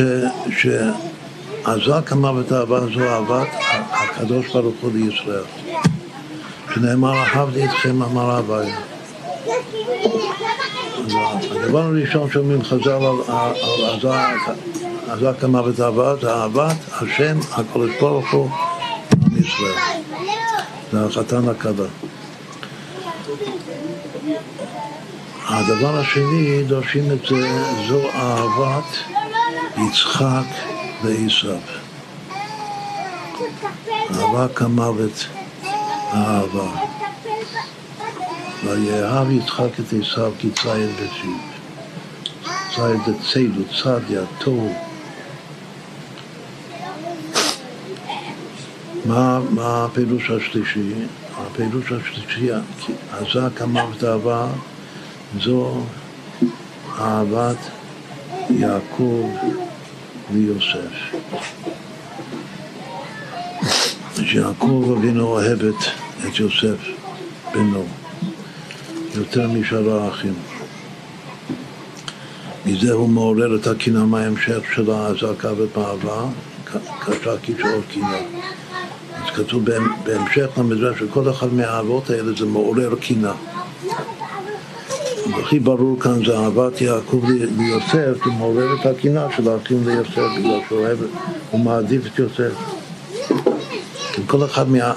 זאת אומרת שאם נאמר את זה בפשטות, חז"ל מבינים שאהבת המוות העזה זה אהבה של, של העדפה. אתה אוהב את זה ולא משהו אחר. אתה, יש, לך כלה אחת בלבד, אחת היא יונתי, תמתי, אחת היא לאימה. אז, אז יש אהבת יעקב ל, ל, ליוסף. אחר כך הפירוש הרביעי, אזק המוות האהבה, זו אהבת יונתן לדוד.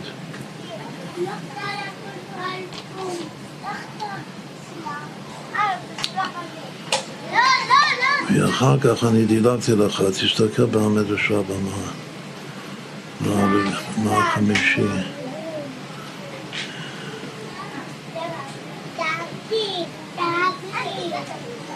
אהבת דוד יונתן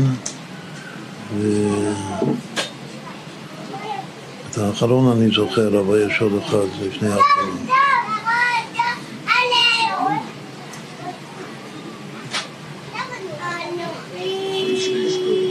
אה, כן, זה הכי חשוב, הכי פשוט. אז רק המוות האהבה זו אהבת איש לאשתו. כל איש ואישה, כלומר שכל חתן וכלה, דווקא הביטוי הזה זה ביטוי מובהק שחז"ל דורשים את זה לאיש ואישה. שצריך, כאילו צריך להיות כל איש ואישה האהבה של עזה הקמה האהבה. איך רציתי לקרוא לכל השיר הזה, אני מת עלייך.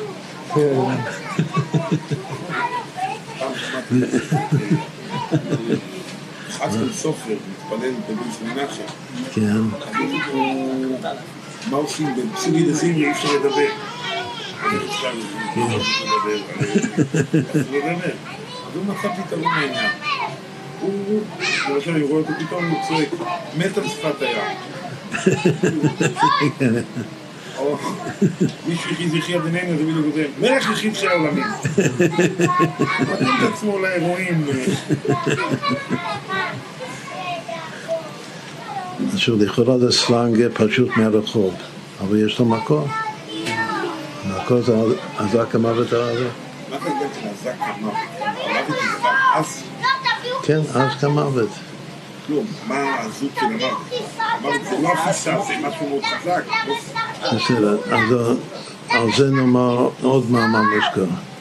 המילה אז זה מלשון עוז, השם עוז לנו ייתן. המילה עוז בתנ"ך זה הולך ביחד עם ארבע מילים, כאילו מה שנקרא ניבו, בלשון חז"ל קוראים לזה מכלול. עוז ו... יש ארבע כאלה. הכי מפורסם זה שני פסוקים דומים. פסוק אחד אומר עוז והדר לפניו, עוז וחדווה במקומו, זה דווקא בדברי הימינה. הפסוק המקביל בתהילים זה עוז ותפארת במקדשו, במקדשו. שניהם זה מתחיל הוד והדר לפניו, ובתהילים כתוב עוז ותפארת במקדשו, ובדברי הימים, מה שכתוב ב... ב... כן, כתוב עוז וחדווה. עוז וחדווה במקומו, לא במקדשו, במקומו. אז המקום זה המקדש. אז יש שניים, תפארת וחדווה, זה לא אותו הדבר. יש עוד אחד שזה אימו, כתוב במשלי, אימו עוז ותושייה.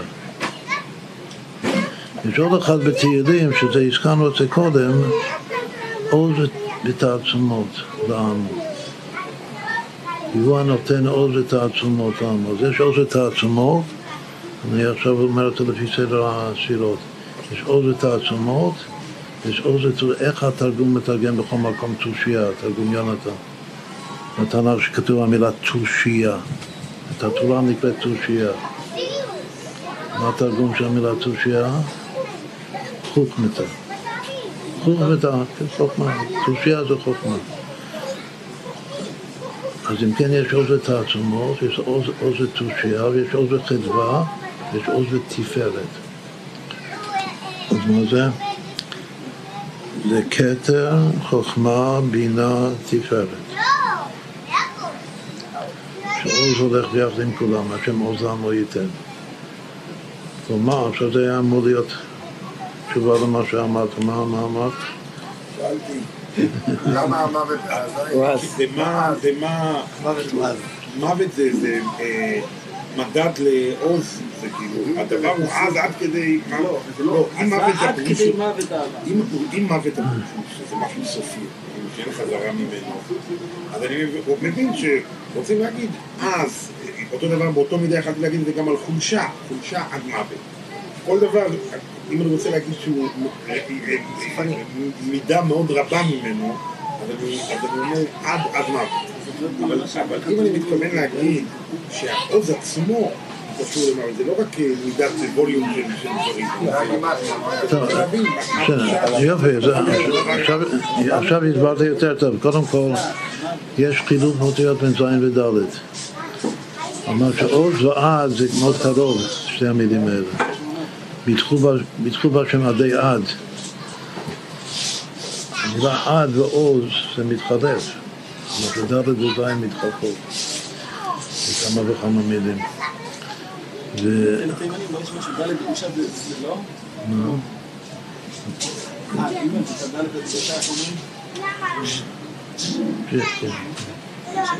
לא, יש הרבה מזה, בארמית ועברית, ד' וז' זה מתחלף הרבה. אז עד ועוז זה, אבל השורש של עוז, הביטוי הכי גדול של עוז זה חביון עוז העצמות. זה מה שרציתי לומר, שהעוז, השורש זה העוז ותעצומות. כלומר שעוז ותעצומות, הוא הנותן עוז ותעצומות, למה זה עצמוס פשוט. או עד ולא עד בכלל, כמו שבייזק אומר שיש עד ועד בכלל, שזה יותר מעד ולא עד בכלל. שבעולם הזה התכלית זה לא, עד ולא עד בכלל, אבל כשיבוא משיח זה כבר יהיה עד ועד בכלל. אז העוז זה זה עוז, חביון עוז העצמות. עלייך. זה מה שכתוב.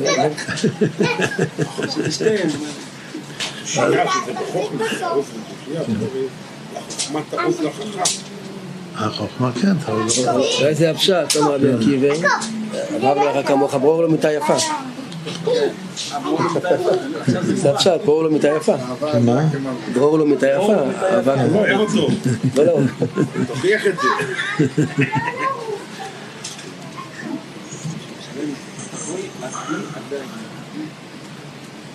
זה איפה היינו? אה, מה? אה, כן, אז החמישי של הקמה ותעבודה עבד איש לאשתו. בגלל זה רצינו לומר ש...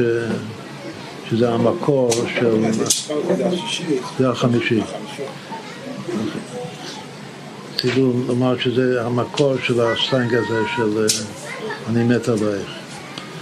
שזה הקמה ואת האהבה. כל משתלשל מה... חיפשתי איך אומרים, יש באינטרנט תרגום, אין כזה דבר באנגלית. אז אני מבין אנגלית, כן. אז מה אתה, מאיפה לקחו את זה? לא שלקחו את זה מהערבים, לא יודע. לכן אמרתי שמסתום לקחו את זה מהפסוק, מישהו לקח את זה מהפסוק הזה. בגלל שבאנגלית אין כזה דבר, וכנראה בשאר השפות של המערב אין כזה ביטוי. אז חיפשתי בזה איך, איך אני מת עלייך, שיתרגמו לי את זה לאנגלית, בגלל שאני מגיע שוב.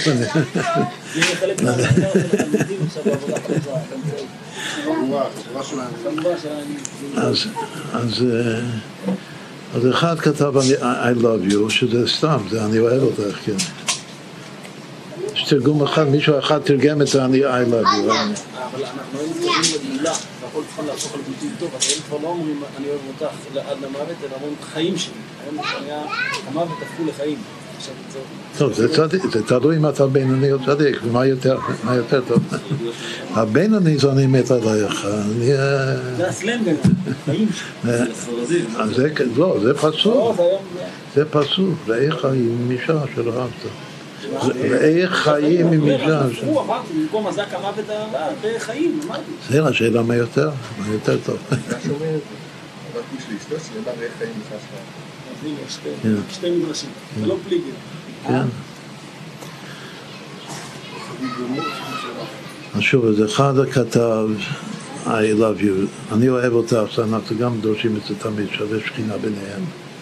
אני אוהב אותך, שווה שכינה ביניהם. בדיוק. בסדר, זה לא, זה לא אני מת עליי, זה מה שזה. ארבע דרגות בסלנג, אני אוהב אותך, אני מת עלייך, חיים שלי, ונעשה ארבע, כנגד ארבע עולמות, נשמה פורטוגזית. ואז יהיה בכלל... בפורטוגזית זה משוגע. יש עוד תרגום, יש עוד שני תרגומות. יש עוד תרגום, יש עוד תרגום באנגלית, I'm crazy for you. איך? I'm crazy for you, אני משוגע עלייך, אני משוגע עלייך. הרבה. ויש עוד אחד שמתרגמים את זה I adore you. אתה לא מבין אנגלית, אתה I adore you, adore, A-D-O-R-E. שזה אהבה רבה. אהבה בתענוג אם זה יותר. כן, בסדר, זה נכון, זה לא אהבה בתענוג, זה רק אהבה רבה. הוא מעריץ אותה. אה, באדורה יש בפורטוגזית. כן, כן, זו מילה ספרדית. בפורטוגזית יש מילה מיוחדת. יש מילה מיוחדת רק בשביל זה. כן. יש מילה מיוחדת, הפאשוננדו, שרק משתמשים, סליחה, אל תדבר לי. אומרים פורטוגזית, הפאשוננדו. משתמשים זה אך ורק לקשר בין איש ואישה. אך ורק, לא שום דבר אחר. לא יודע איך לתרגם את זה. אני... יש הפאשוננדו, זה רק משתמשים ב... הפאשוננדו. רק משתמשים בזה בשביל, מילה מיוחדת רק בשביל זה. טוב, הדבר השישי זה במדרש, זה כי עזה כמוות האהבה, זו אהבת דורו של שמד לקודש ברוך הוא. זה אהבה של דורו של שמד, שמסירות נפש כבר ממש להשם. כלומר שזה מתחיל מאהבת השם לישראל, מאהבת החתן הכלה. וזה נגמר, השישה פירושים, זה נגמר אהבת ישראל במצב הכי קשה והכי גילוי היחידה שבנפש לקודש ברוך הוא. ממש מתאים למים של הגור שחסן, זוין. אמרת את זה, לא? בירושים שמעת, שאחד מחזק את השני, כן, כן, כן, כן, כן. אז זה השישה, אז איך נסדר את הסדר של השישה פירושים? אז זה מאוד, מאוד קל לפי הסדר. אהבת השם לישראל זה חסד. אהבתי, אהבתי, זה, כל אחד יש לו פסוק. הפסוק הכי פשוט זה אהבתי אתכם אמר השם. אהבת יצחק לעשו זה גאולה. יצחק זה גאולה, וגם עשיו זה גאולה. לא נראה לי שיש... זה אהבת יעקב ליוסף, זה אהבת התפארת ליסוד. אהבת יונתן לדוד זה אהבת היסוד למלכות. ואהבת איש לאישה זה אהבת נצח להוד. אלא שאי הוא בנצח ואי בהוד. אהבת אהבת הדורות של שמעת הקדוש ברוך הוא זה אהבת המלכות לכתר. שמו בטעות פה את הכל. זה הדרוש הזה של הפירושים. עכשיו, ההמשך זה, הוא מפרט במקביל את ההמשך, שזה ההמשך זה קשה כשאול קינה. עכשיו, יש קשר בין אהבה וקנאה. קנאה זה 12 פעמים אהבה, זה 12, כל הצירופים של המילה אהבה זה 12, כמו י"ק ו"ק.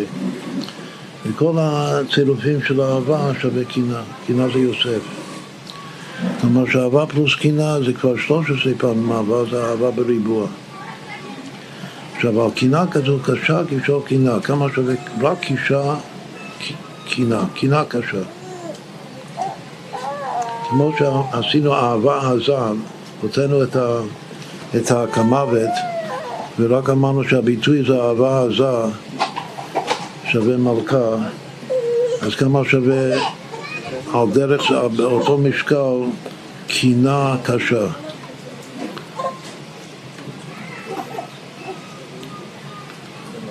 אותו הדבר, זה הדבר השני, קינה קשה שווה עזה כמוות אהבה.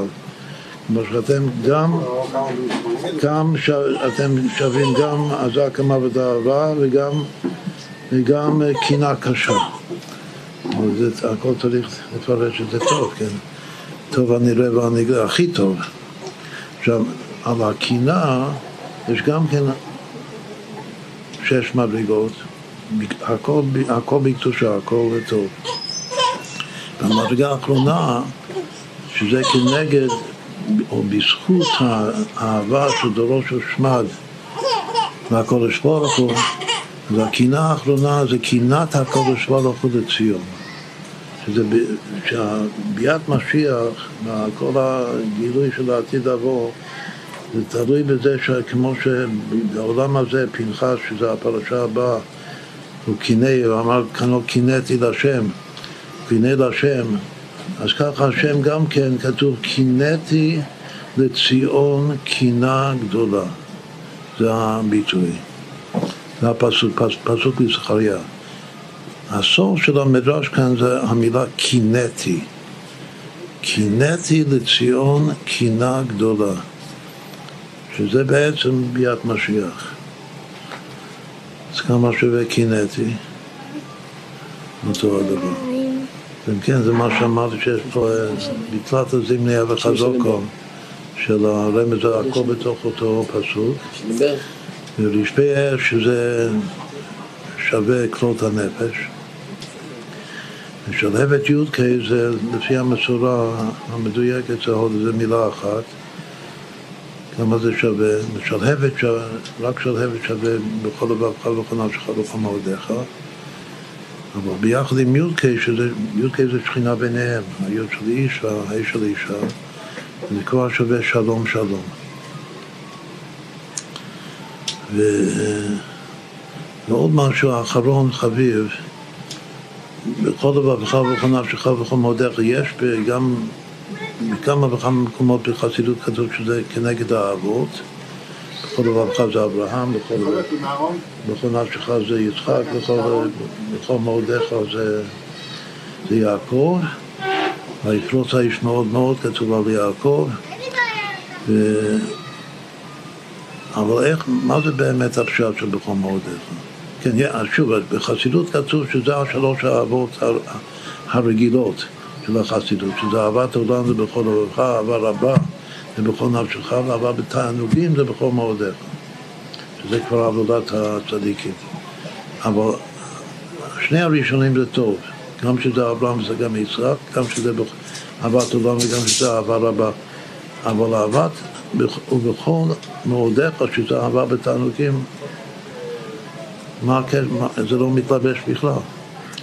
הפשט, בגלל שחז"ל אומרים שני, שני פשטים, שני פירושים מה זה בכל מאודיך. או שזה בכל ממונך, או שזה בכל מידה ומידה שמודד לך, ומודד לו במאוד מאוד, כלומר שדורשים את המילה מאוד, או שזה מאוד של כסף, של ממון, או שזה עוד יותר מאוד, שהמילה מאוד זה כל מידה ומידה שמודד לך, הווי מודד לו במאוד מאוד. זה מלשון הודעה, וזה דווקא, מה זה כל מידה ומידה? זה לא דברים טובים, זה לא תענוג, זה לא כיפים. וגם לתת את כל הכסף שלך זה גם לא כיף, על פי פשט. אז איך, איך בכל מאודיך זה מתקשר לאהבה בתענוגים בכלל? אז הרמז היחיד הוא שהמילים ובכל מאודיך שווה עונג. ובכל מאודיך. בכל אופן, איך, אם אנחנו כבר עוסקים בתרגום, איך בפרוטגזית, אתה ראית פעם סידור של פרוטגזית, איך מתרגמים ובכל מאודיך? מה? ובכל מאודיך, איך זה בפרוטגזית? כל לבבך ובכל נפשך ובכל מאודיך.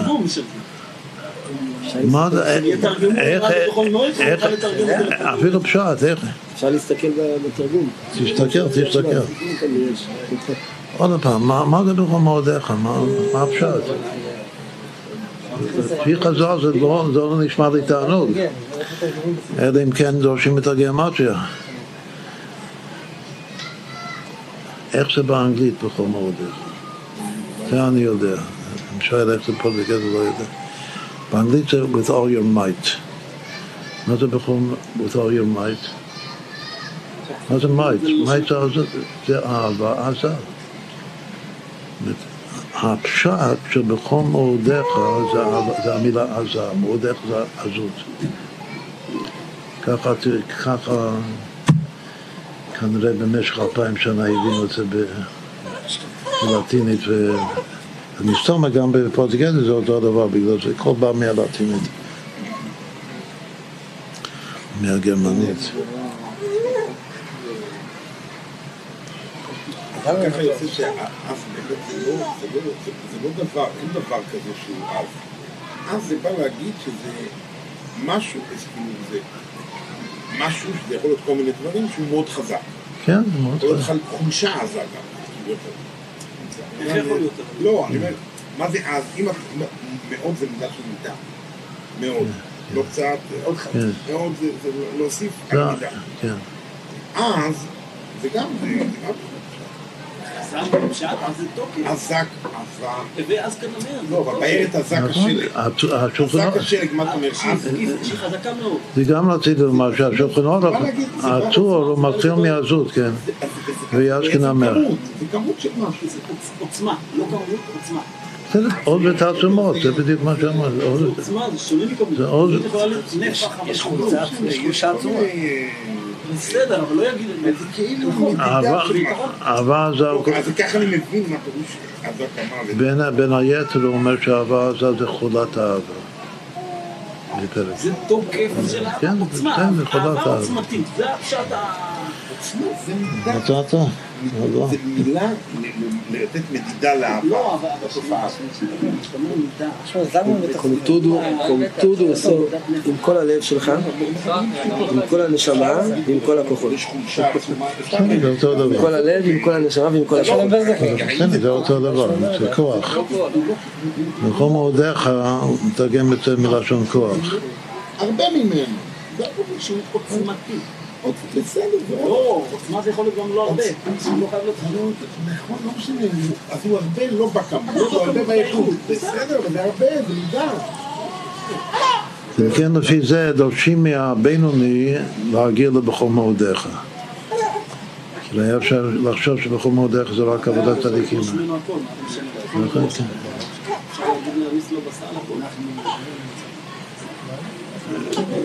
אם, אם יש לך אהבה חזקה, אהבה עזה, אז גם אתה מוכן לתת את כל הכסף שלך. וגם, וגם אתה מוכן לקבל כל המידות שהשם מודד איתך.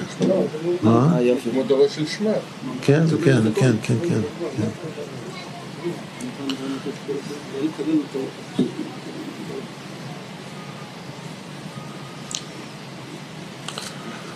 טוב, יופי. בזכות החתן בטח. שיבנו בית נאמן בישראל. רק תשאיר יודע... רק תשאיר, תשאיר את זה. מה מה המילים? הסבירו לו איך להגיד, מה המילים מה מה המילים להגיד? אוצר מילים. כשאתה לא הולך לשיעורי... זה לא הכל מלמדים. עכשיו קיבלת אוצר מילים. זה הכל, כוונה בשביל לומר מלכה. מה הכל? כוונה למה ש- שאומרים מלכה, מה מה הכוונה?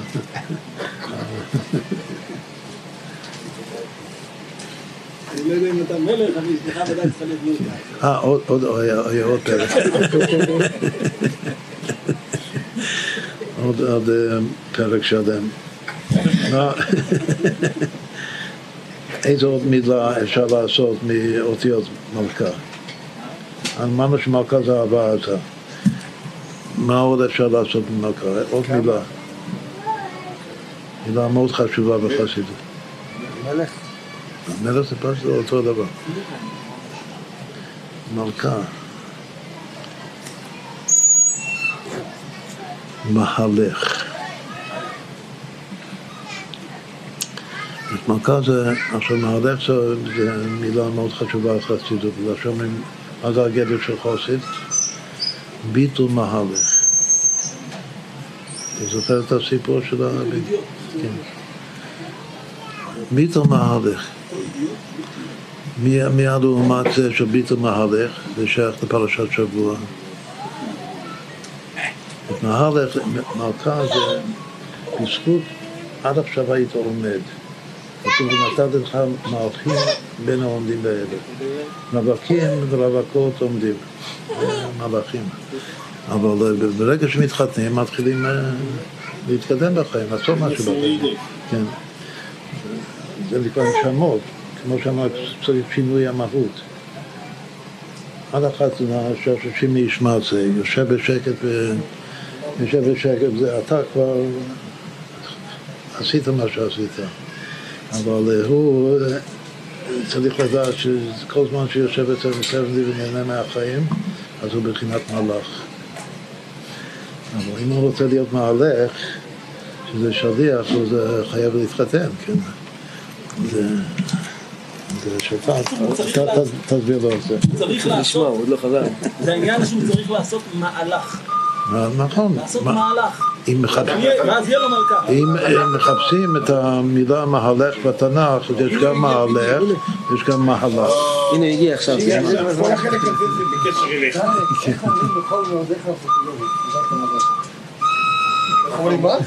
בכל מאודיך. מצאנו כבר שמני, מצאנו. אה, מצא? כן. אה, לא. כל הכוחות שלך. כל הכוחות שלך. זה- כמו באנגלית, לא, כל השפות האלה זה הכל אה, אותו דבר. שיפסיק- שיפסיק להיות מלאך, ויתחיל להיות מהלך. זהו. מי זה מלאך שעומד? עומד במקום, לא מתקדם.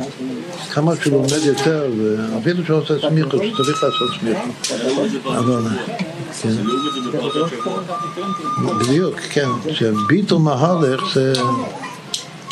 מה התכוונת? הרב אמר שיש פרשת שבוע לעומת לעומת זה. הלעומת זה שבפרשה הבאה זה... לא, בפרשת שבוע, כן, של אצלנו. בלעם. בלעם שווה ביטול מהלך. למה הוא דווקא ביטול מהלך? ביטול מהלך שווה בלעם. בגלל שביטול זה אידיוט.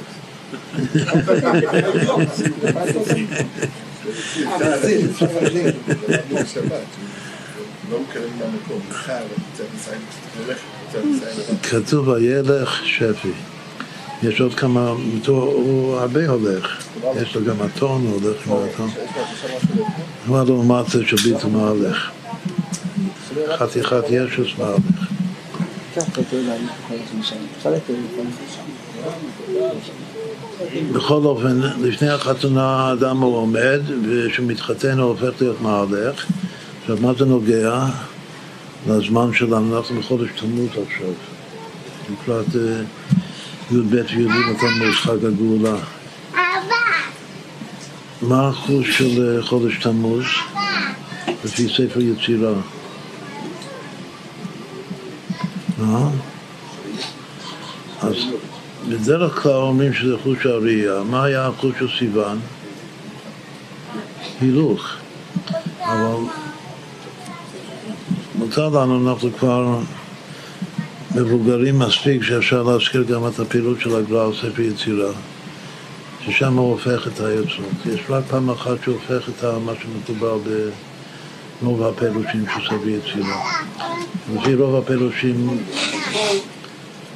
וכך אנחנו תמיד נוקטים ומסבירים, הילוך זה סיוון וראייה זה, זה תמוז בגלל שהשבט של חודש תמוז זה ראובן. זה פשוט שהאחוז שלו זה ראייה. השבט של חודש סיוון זה זבולון, בצאתך, אשמח זבולון בצאתך. שהוא הולך לעשות מסחר, מסתובב. אז האחוז שלו זה, זה, זה, זה, זה הילוך, ובנוגע למתן תורה זה נקרא אל תקרא הליכות, הליכות עולם לא אלא הלכות. הלכה זה מה שנותן לי כוח להתקדם בחיים, להיות מהלך ולא עומד. בכל זאת, זה, זה הכלל, אבל הגר"א הופך את זה. והוא אומר ש, שחודש סיוון זה חוש הראייה. למה? בגלל שבכל העם רואים את הקולות. עיקר החוש של מתן תורה זה ראייה, ראיית אלוקות. זה לא מתייחס לשבטים. ו... והוא אומר שתמוז זה דווקא חודש ההילוך, ויש לו ספרה טובה. למה זה חודש ההילוך? בגלל שזה החודש שהמרגלים הלכו לתור את הארץ. את כל חודש תמוז, עד תשעה באב, זה ארבעים ימים שהלכו המרגלים. זאת אומרת שכל, כמו שהרבי תמיד מסביר שכל חודש אייר זה תפילת עומר, אז כך כל חודש תמוז זה הילוך לטור את הארץ של המרגלים. מתן תורה זה ראייה, אז לכן בגלל הסיבות האלה הוא הופך את היוצרות. אז צריך לומר שיש יש דברים בגו. ולכן בחודש תמוז יש גם את זה וגם את זה, גם את הראייה של ראובן, שזה לילות אלוקות בחיים, שמקיפים את החתן שבע פעמים, אז שזכיתי לעשות את זה גם כן, אז מכוונים את הכוונות של ההקפות, שכל הקפה זה מתנה, מתנה, מן השמיים נותנים מתנה לחתן ולכלה. המתנה הראשונה זה נקרא מתנת החוכמה. מתנת החוכמה, הדבר הראשון, שזה ההקפה הראשונה, איזה, מה זה חוכמה? זה נקרא חוכמת חיים. מה זה חוכמת חיים? זה איזו חכם הרואה את הנולד, זה ראייה, לראות נכון, לראות את ההשגחה הפרטית ואת כל החסדים שהקודש ברוך הוא נותן לנו תמיד. במיוחד בשבוע הזה רואים את זה מאוד מאוד חזק. זה, זה הדבר הראשון, היכולת לראות השגחה פרטית. זה חוכמת החיים של היהודי. אז, אז יש את זה בחודש שזה שייך לחודש תמרות, אבל עוד יש את זה לפי הפירוש השני, אז כלומר שקודם כל יש פה התקלדות בין סיוון, מתן תורה ותמוז. והדבר השני שיש גם פה את ההילוך הזה, נאמר שזה למה לא אומרים את זה ככלל? בגלל שההילוך של המרגלים זה לא, לא נגמר טוב. אבל אם אומרים שזה ההילוך של, זה חודש ההילוך, הכוונה שזה החודש לתקן את ההילוך של המרגלים. וגם איך מתקנים את זה לטור, זה גם לראות. זה לא להוציא דיברה, זה לראות טוב. לראות הכי טוב, את הארץ הכי טוב.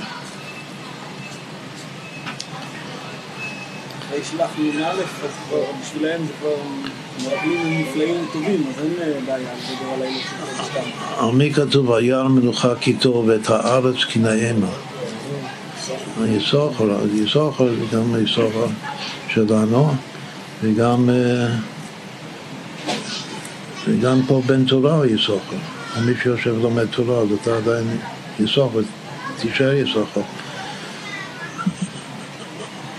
אתמול שמעתי וורט יפה. היה בבית שלנו עמית גירון, אתה יודע מי זה שעושה את הפיזיותרפיה. עשו שנתיים יום יום היה עם הרב מרדכי אליהו בשנתיים האחרונות, עשה יום יום הוא עשה. אז אחת הוא, ככה הוא סיפר אתמול,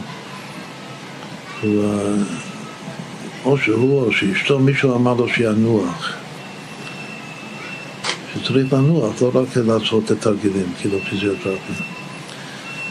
אז הוא אמר, והיה מנוחה כי טוב, אם אדם נח ואת הארץ קינה עמה, אז קרוב להגיע לתוך הארץ.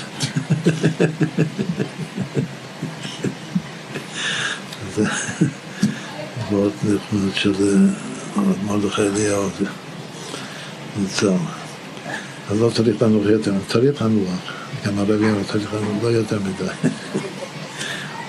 רק כתוב שפעמים זה רישלוג, זה גם בעוד של הבעל טוב, פעמים, פעמים ביטולה של תורה היא יסודה. שיסוד התורה זה שנחים קצת, בשביל ביתר שאת להתגבר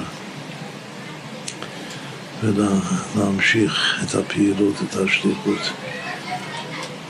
אז מה זה היה? שום דבר.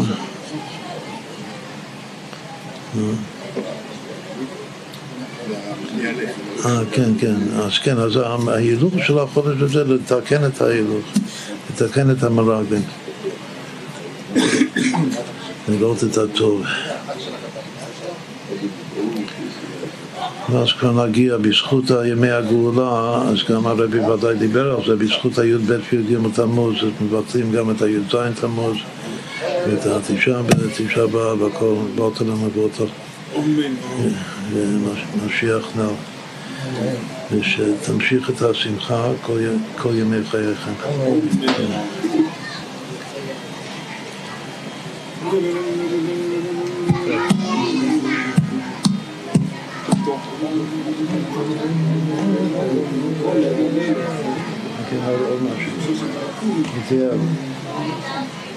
שלושה פסוקים, יש בתנ"ך, יש גם מהלך, כמו מהלך שלושת ימים, ואנחנו מדברים על מהלך. ונתתי לך מלכים בין העומדים האלה. יש שלושה פסוקים עיקריים של מהלך, מלכה, אותיות מהלך. יש שנתתי לך מלכים בין העומדים האלה. יש פסוק בתהילים המהלך על כנפי רוח. שהפירוש הוא שהרוח מפזרת את העננים, גם דוחפת את העננים הלאה ופועלת אה, בהירות בשמיים, כעצם השמיים לטור. את העננים בעצם זה מהלך, הרוח פועלת הילוך בתוך העננים, שבעצם זה פיזור העננים, שהסוף זה, זה הבהירות של קצם השלמות. המהלך, ככה מפרשים המהלך על כנפי רוח. אז צריך את הכנפי רוח, ושהכנפי רוח, גם אני צריך להיות מהלך, וגם צריך כוח של מהלך בשביל לדחות את החושך ולגלות את האור. זה פסוק שני מאוד חשוב של מהלך, מלכה. והפסוק השלישי זה בקהלת. ראיתי את כל, את כל החיים המהלכים תחת השמש. קהלת אומר שאני ראיתי את כל החיים שמהלכים תחת השמש. כלומר שכל העולם הזה זה בעצם זה מהלכים תחת השמש, וכל האנשים זה מהלכים תחת השמש. וצריך לראות אותם, זה פסוק מובהק שמחבר בין שני הפסוקים, בין שני החושים. חוש הראייה וחוש ההילוך. ראיתי את כל החיים, חיים זה כמו ראי חיים משעה של שלהבת, ראיתי את כל החיים המהלכים תחת השמש. אז גם צריך לראות את החיים שתחת השמש וגם צריך לראות את החיים שמעל השמש. על ידי שמאירים את אור התורה לתוך הבית, אז החיים הופכים להיות חיים של למעלה מהשמש. עד כאן.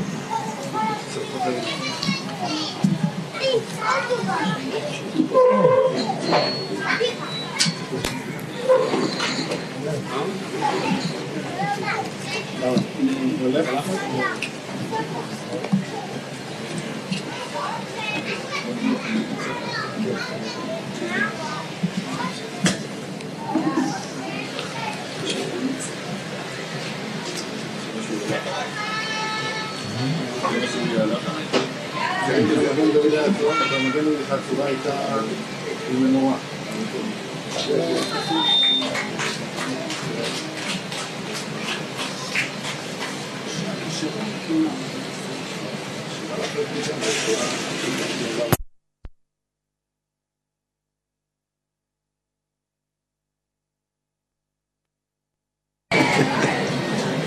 יש עוגה? אתמול גם היה שיעור.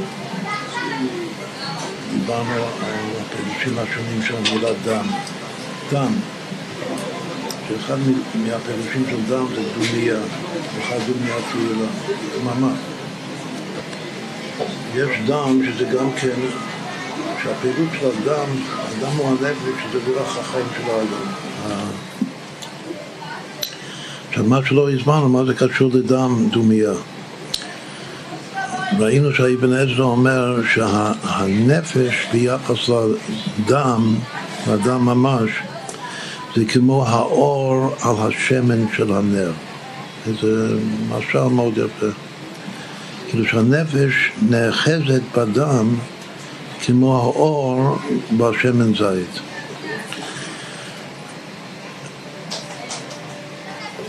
מה זה דם? דם זה לעמוד דום אבל הוא לא עומד דום, הוא אף פעם לא עומד דום, הוא תמיד מסתובב סביב סביב, הולך הרוח שבתוך הדם, אחרת האדם לא חי, וגם הולך ברצו ושוב, שזה הדופק של הדם. אבל מה שכן קשור דם ודומיה, שכמה שהדם זורם חזק כמו מים, מים, כשאני הולך ל, לים ורואה את הגלים, גלי המים באים, אז אני גם שומע אותם, זה עושה רעש, עושה קור. אבל אדם, הייתי חושב שאדם שמסתובב מאוד מהר בתוך הגוף שלי, אז גם שזה יעשה איזה קול, אבל אני לא שומע כלום. זה בחשאי, חוץ מודד את הדופק, אז אפשר לשמוע. היום יש מכשירים של אק"ג וכולו, ששומעים את האדם. אבל באופן טבעי אני לא שומע את האדם, הוא, דומיה. כלומר שעל סיבוב אדם אפשר לומר את הפסוק דממה וקול אשמה. אדם הוא דממה, אבל יש, יש, יש פה איזה קול. הקול שלו זה הדופק, זה דופק החיים, שזה היחס בין כתר וחוכמה. עכשיו, ההקדמה הזאת זה הקדמה, החיים זה דווקא הדופק זה הדופק החיים. זה הקור שלו. יש שני פסוקים, פסוק אחד אומר כל דממה דקה, פסוק שני אומר דממה וקול אשמה, זה פסוק באיוב. אז זה קול ודממה ביחד. היה עוד פרק שלם, הקשר בין כלה עם כ' וכלה עם, עם ק', הכל כל יעקב, כלה נאה וחסודה עם ק', כלה אבין, בינה יתרה ניתנה בכלה, באישה יותר מבאיש. בכל אופן, כן, כן, כן. אז זה דממה וחיים. עכשיו, למה זה היה קשור למה שהוא אמר?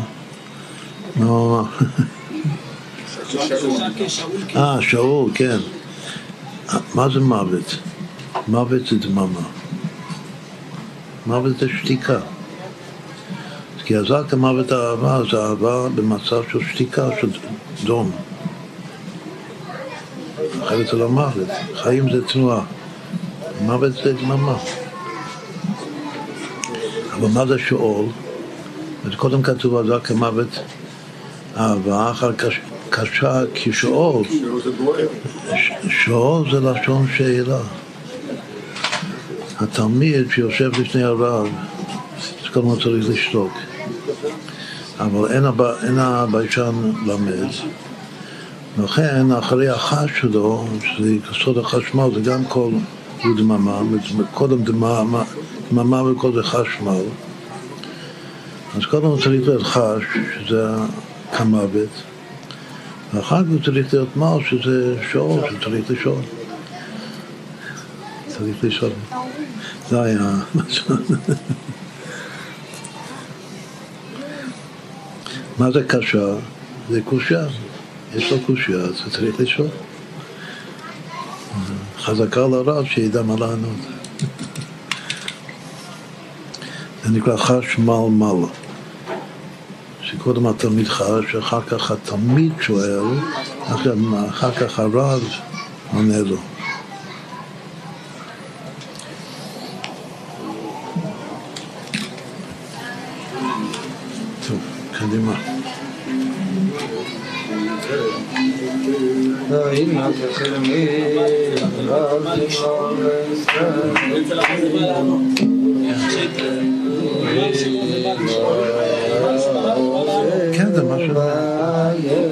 זה מה שהתכוונתי.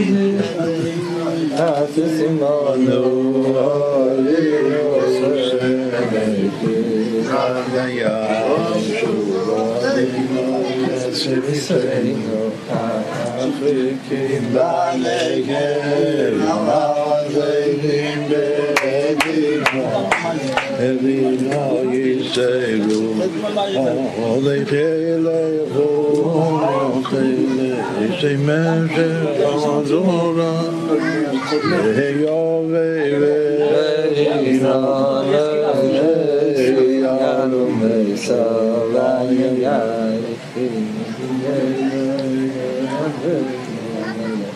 שיח למועד, יד דינינו מלינו לרבינו, מלך המשיח למועד, יד דינינו מלינו לרבינו, מלך המשיח למועד, יד דינינו מלינו לרבינו, מלך המשיח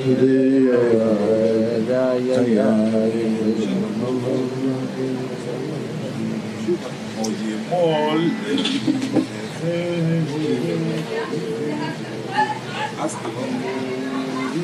המזון, שהפעם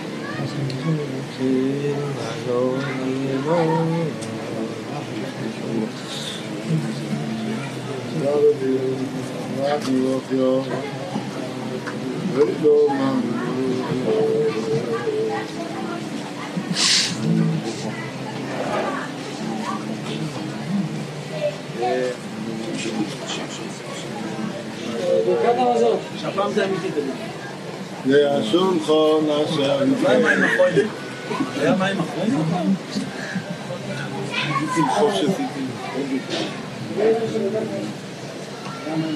כולם הזכירו. מים.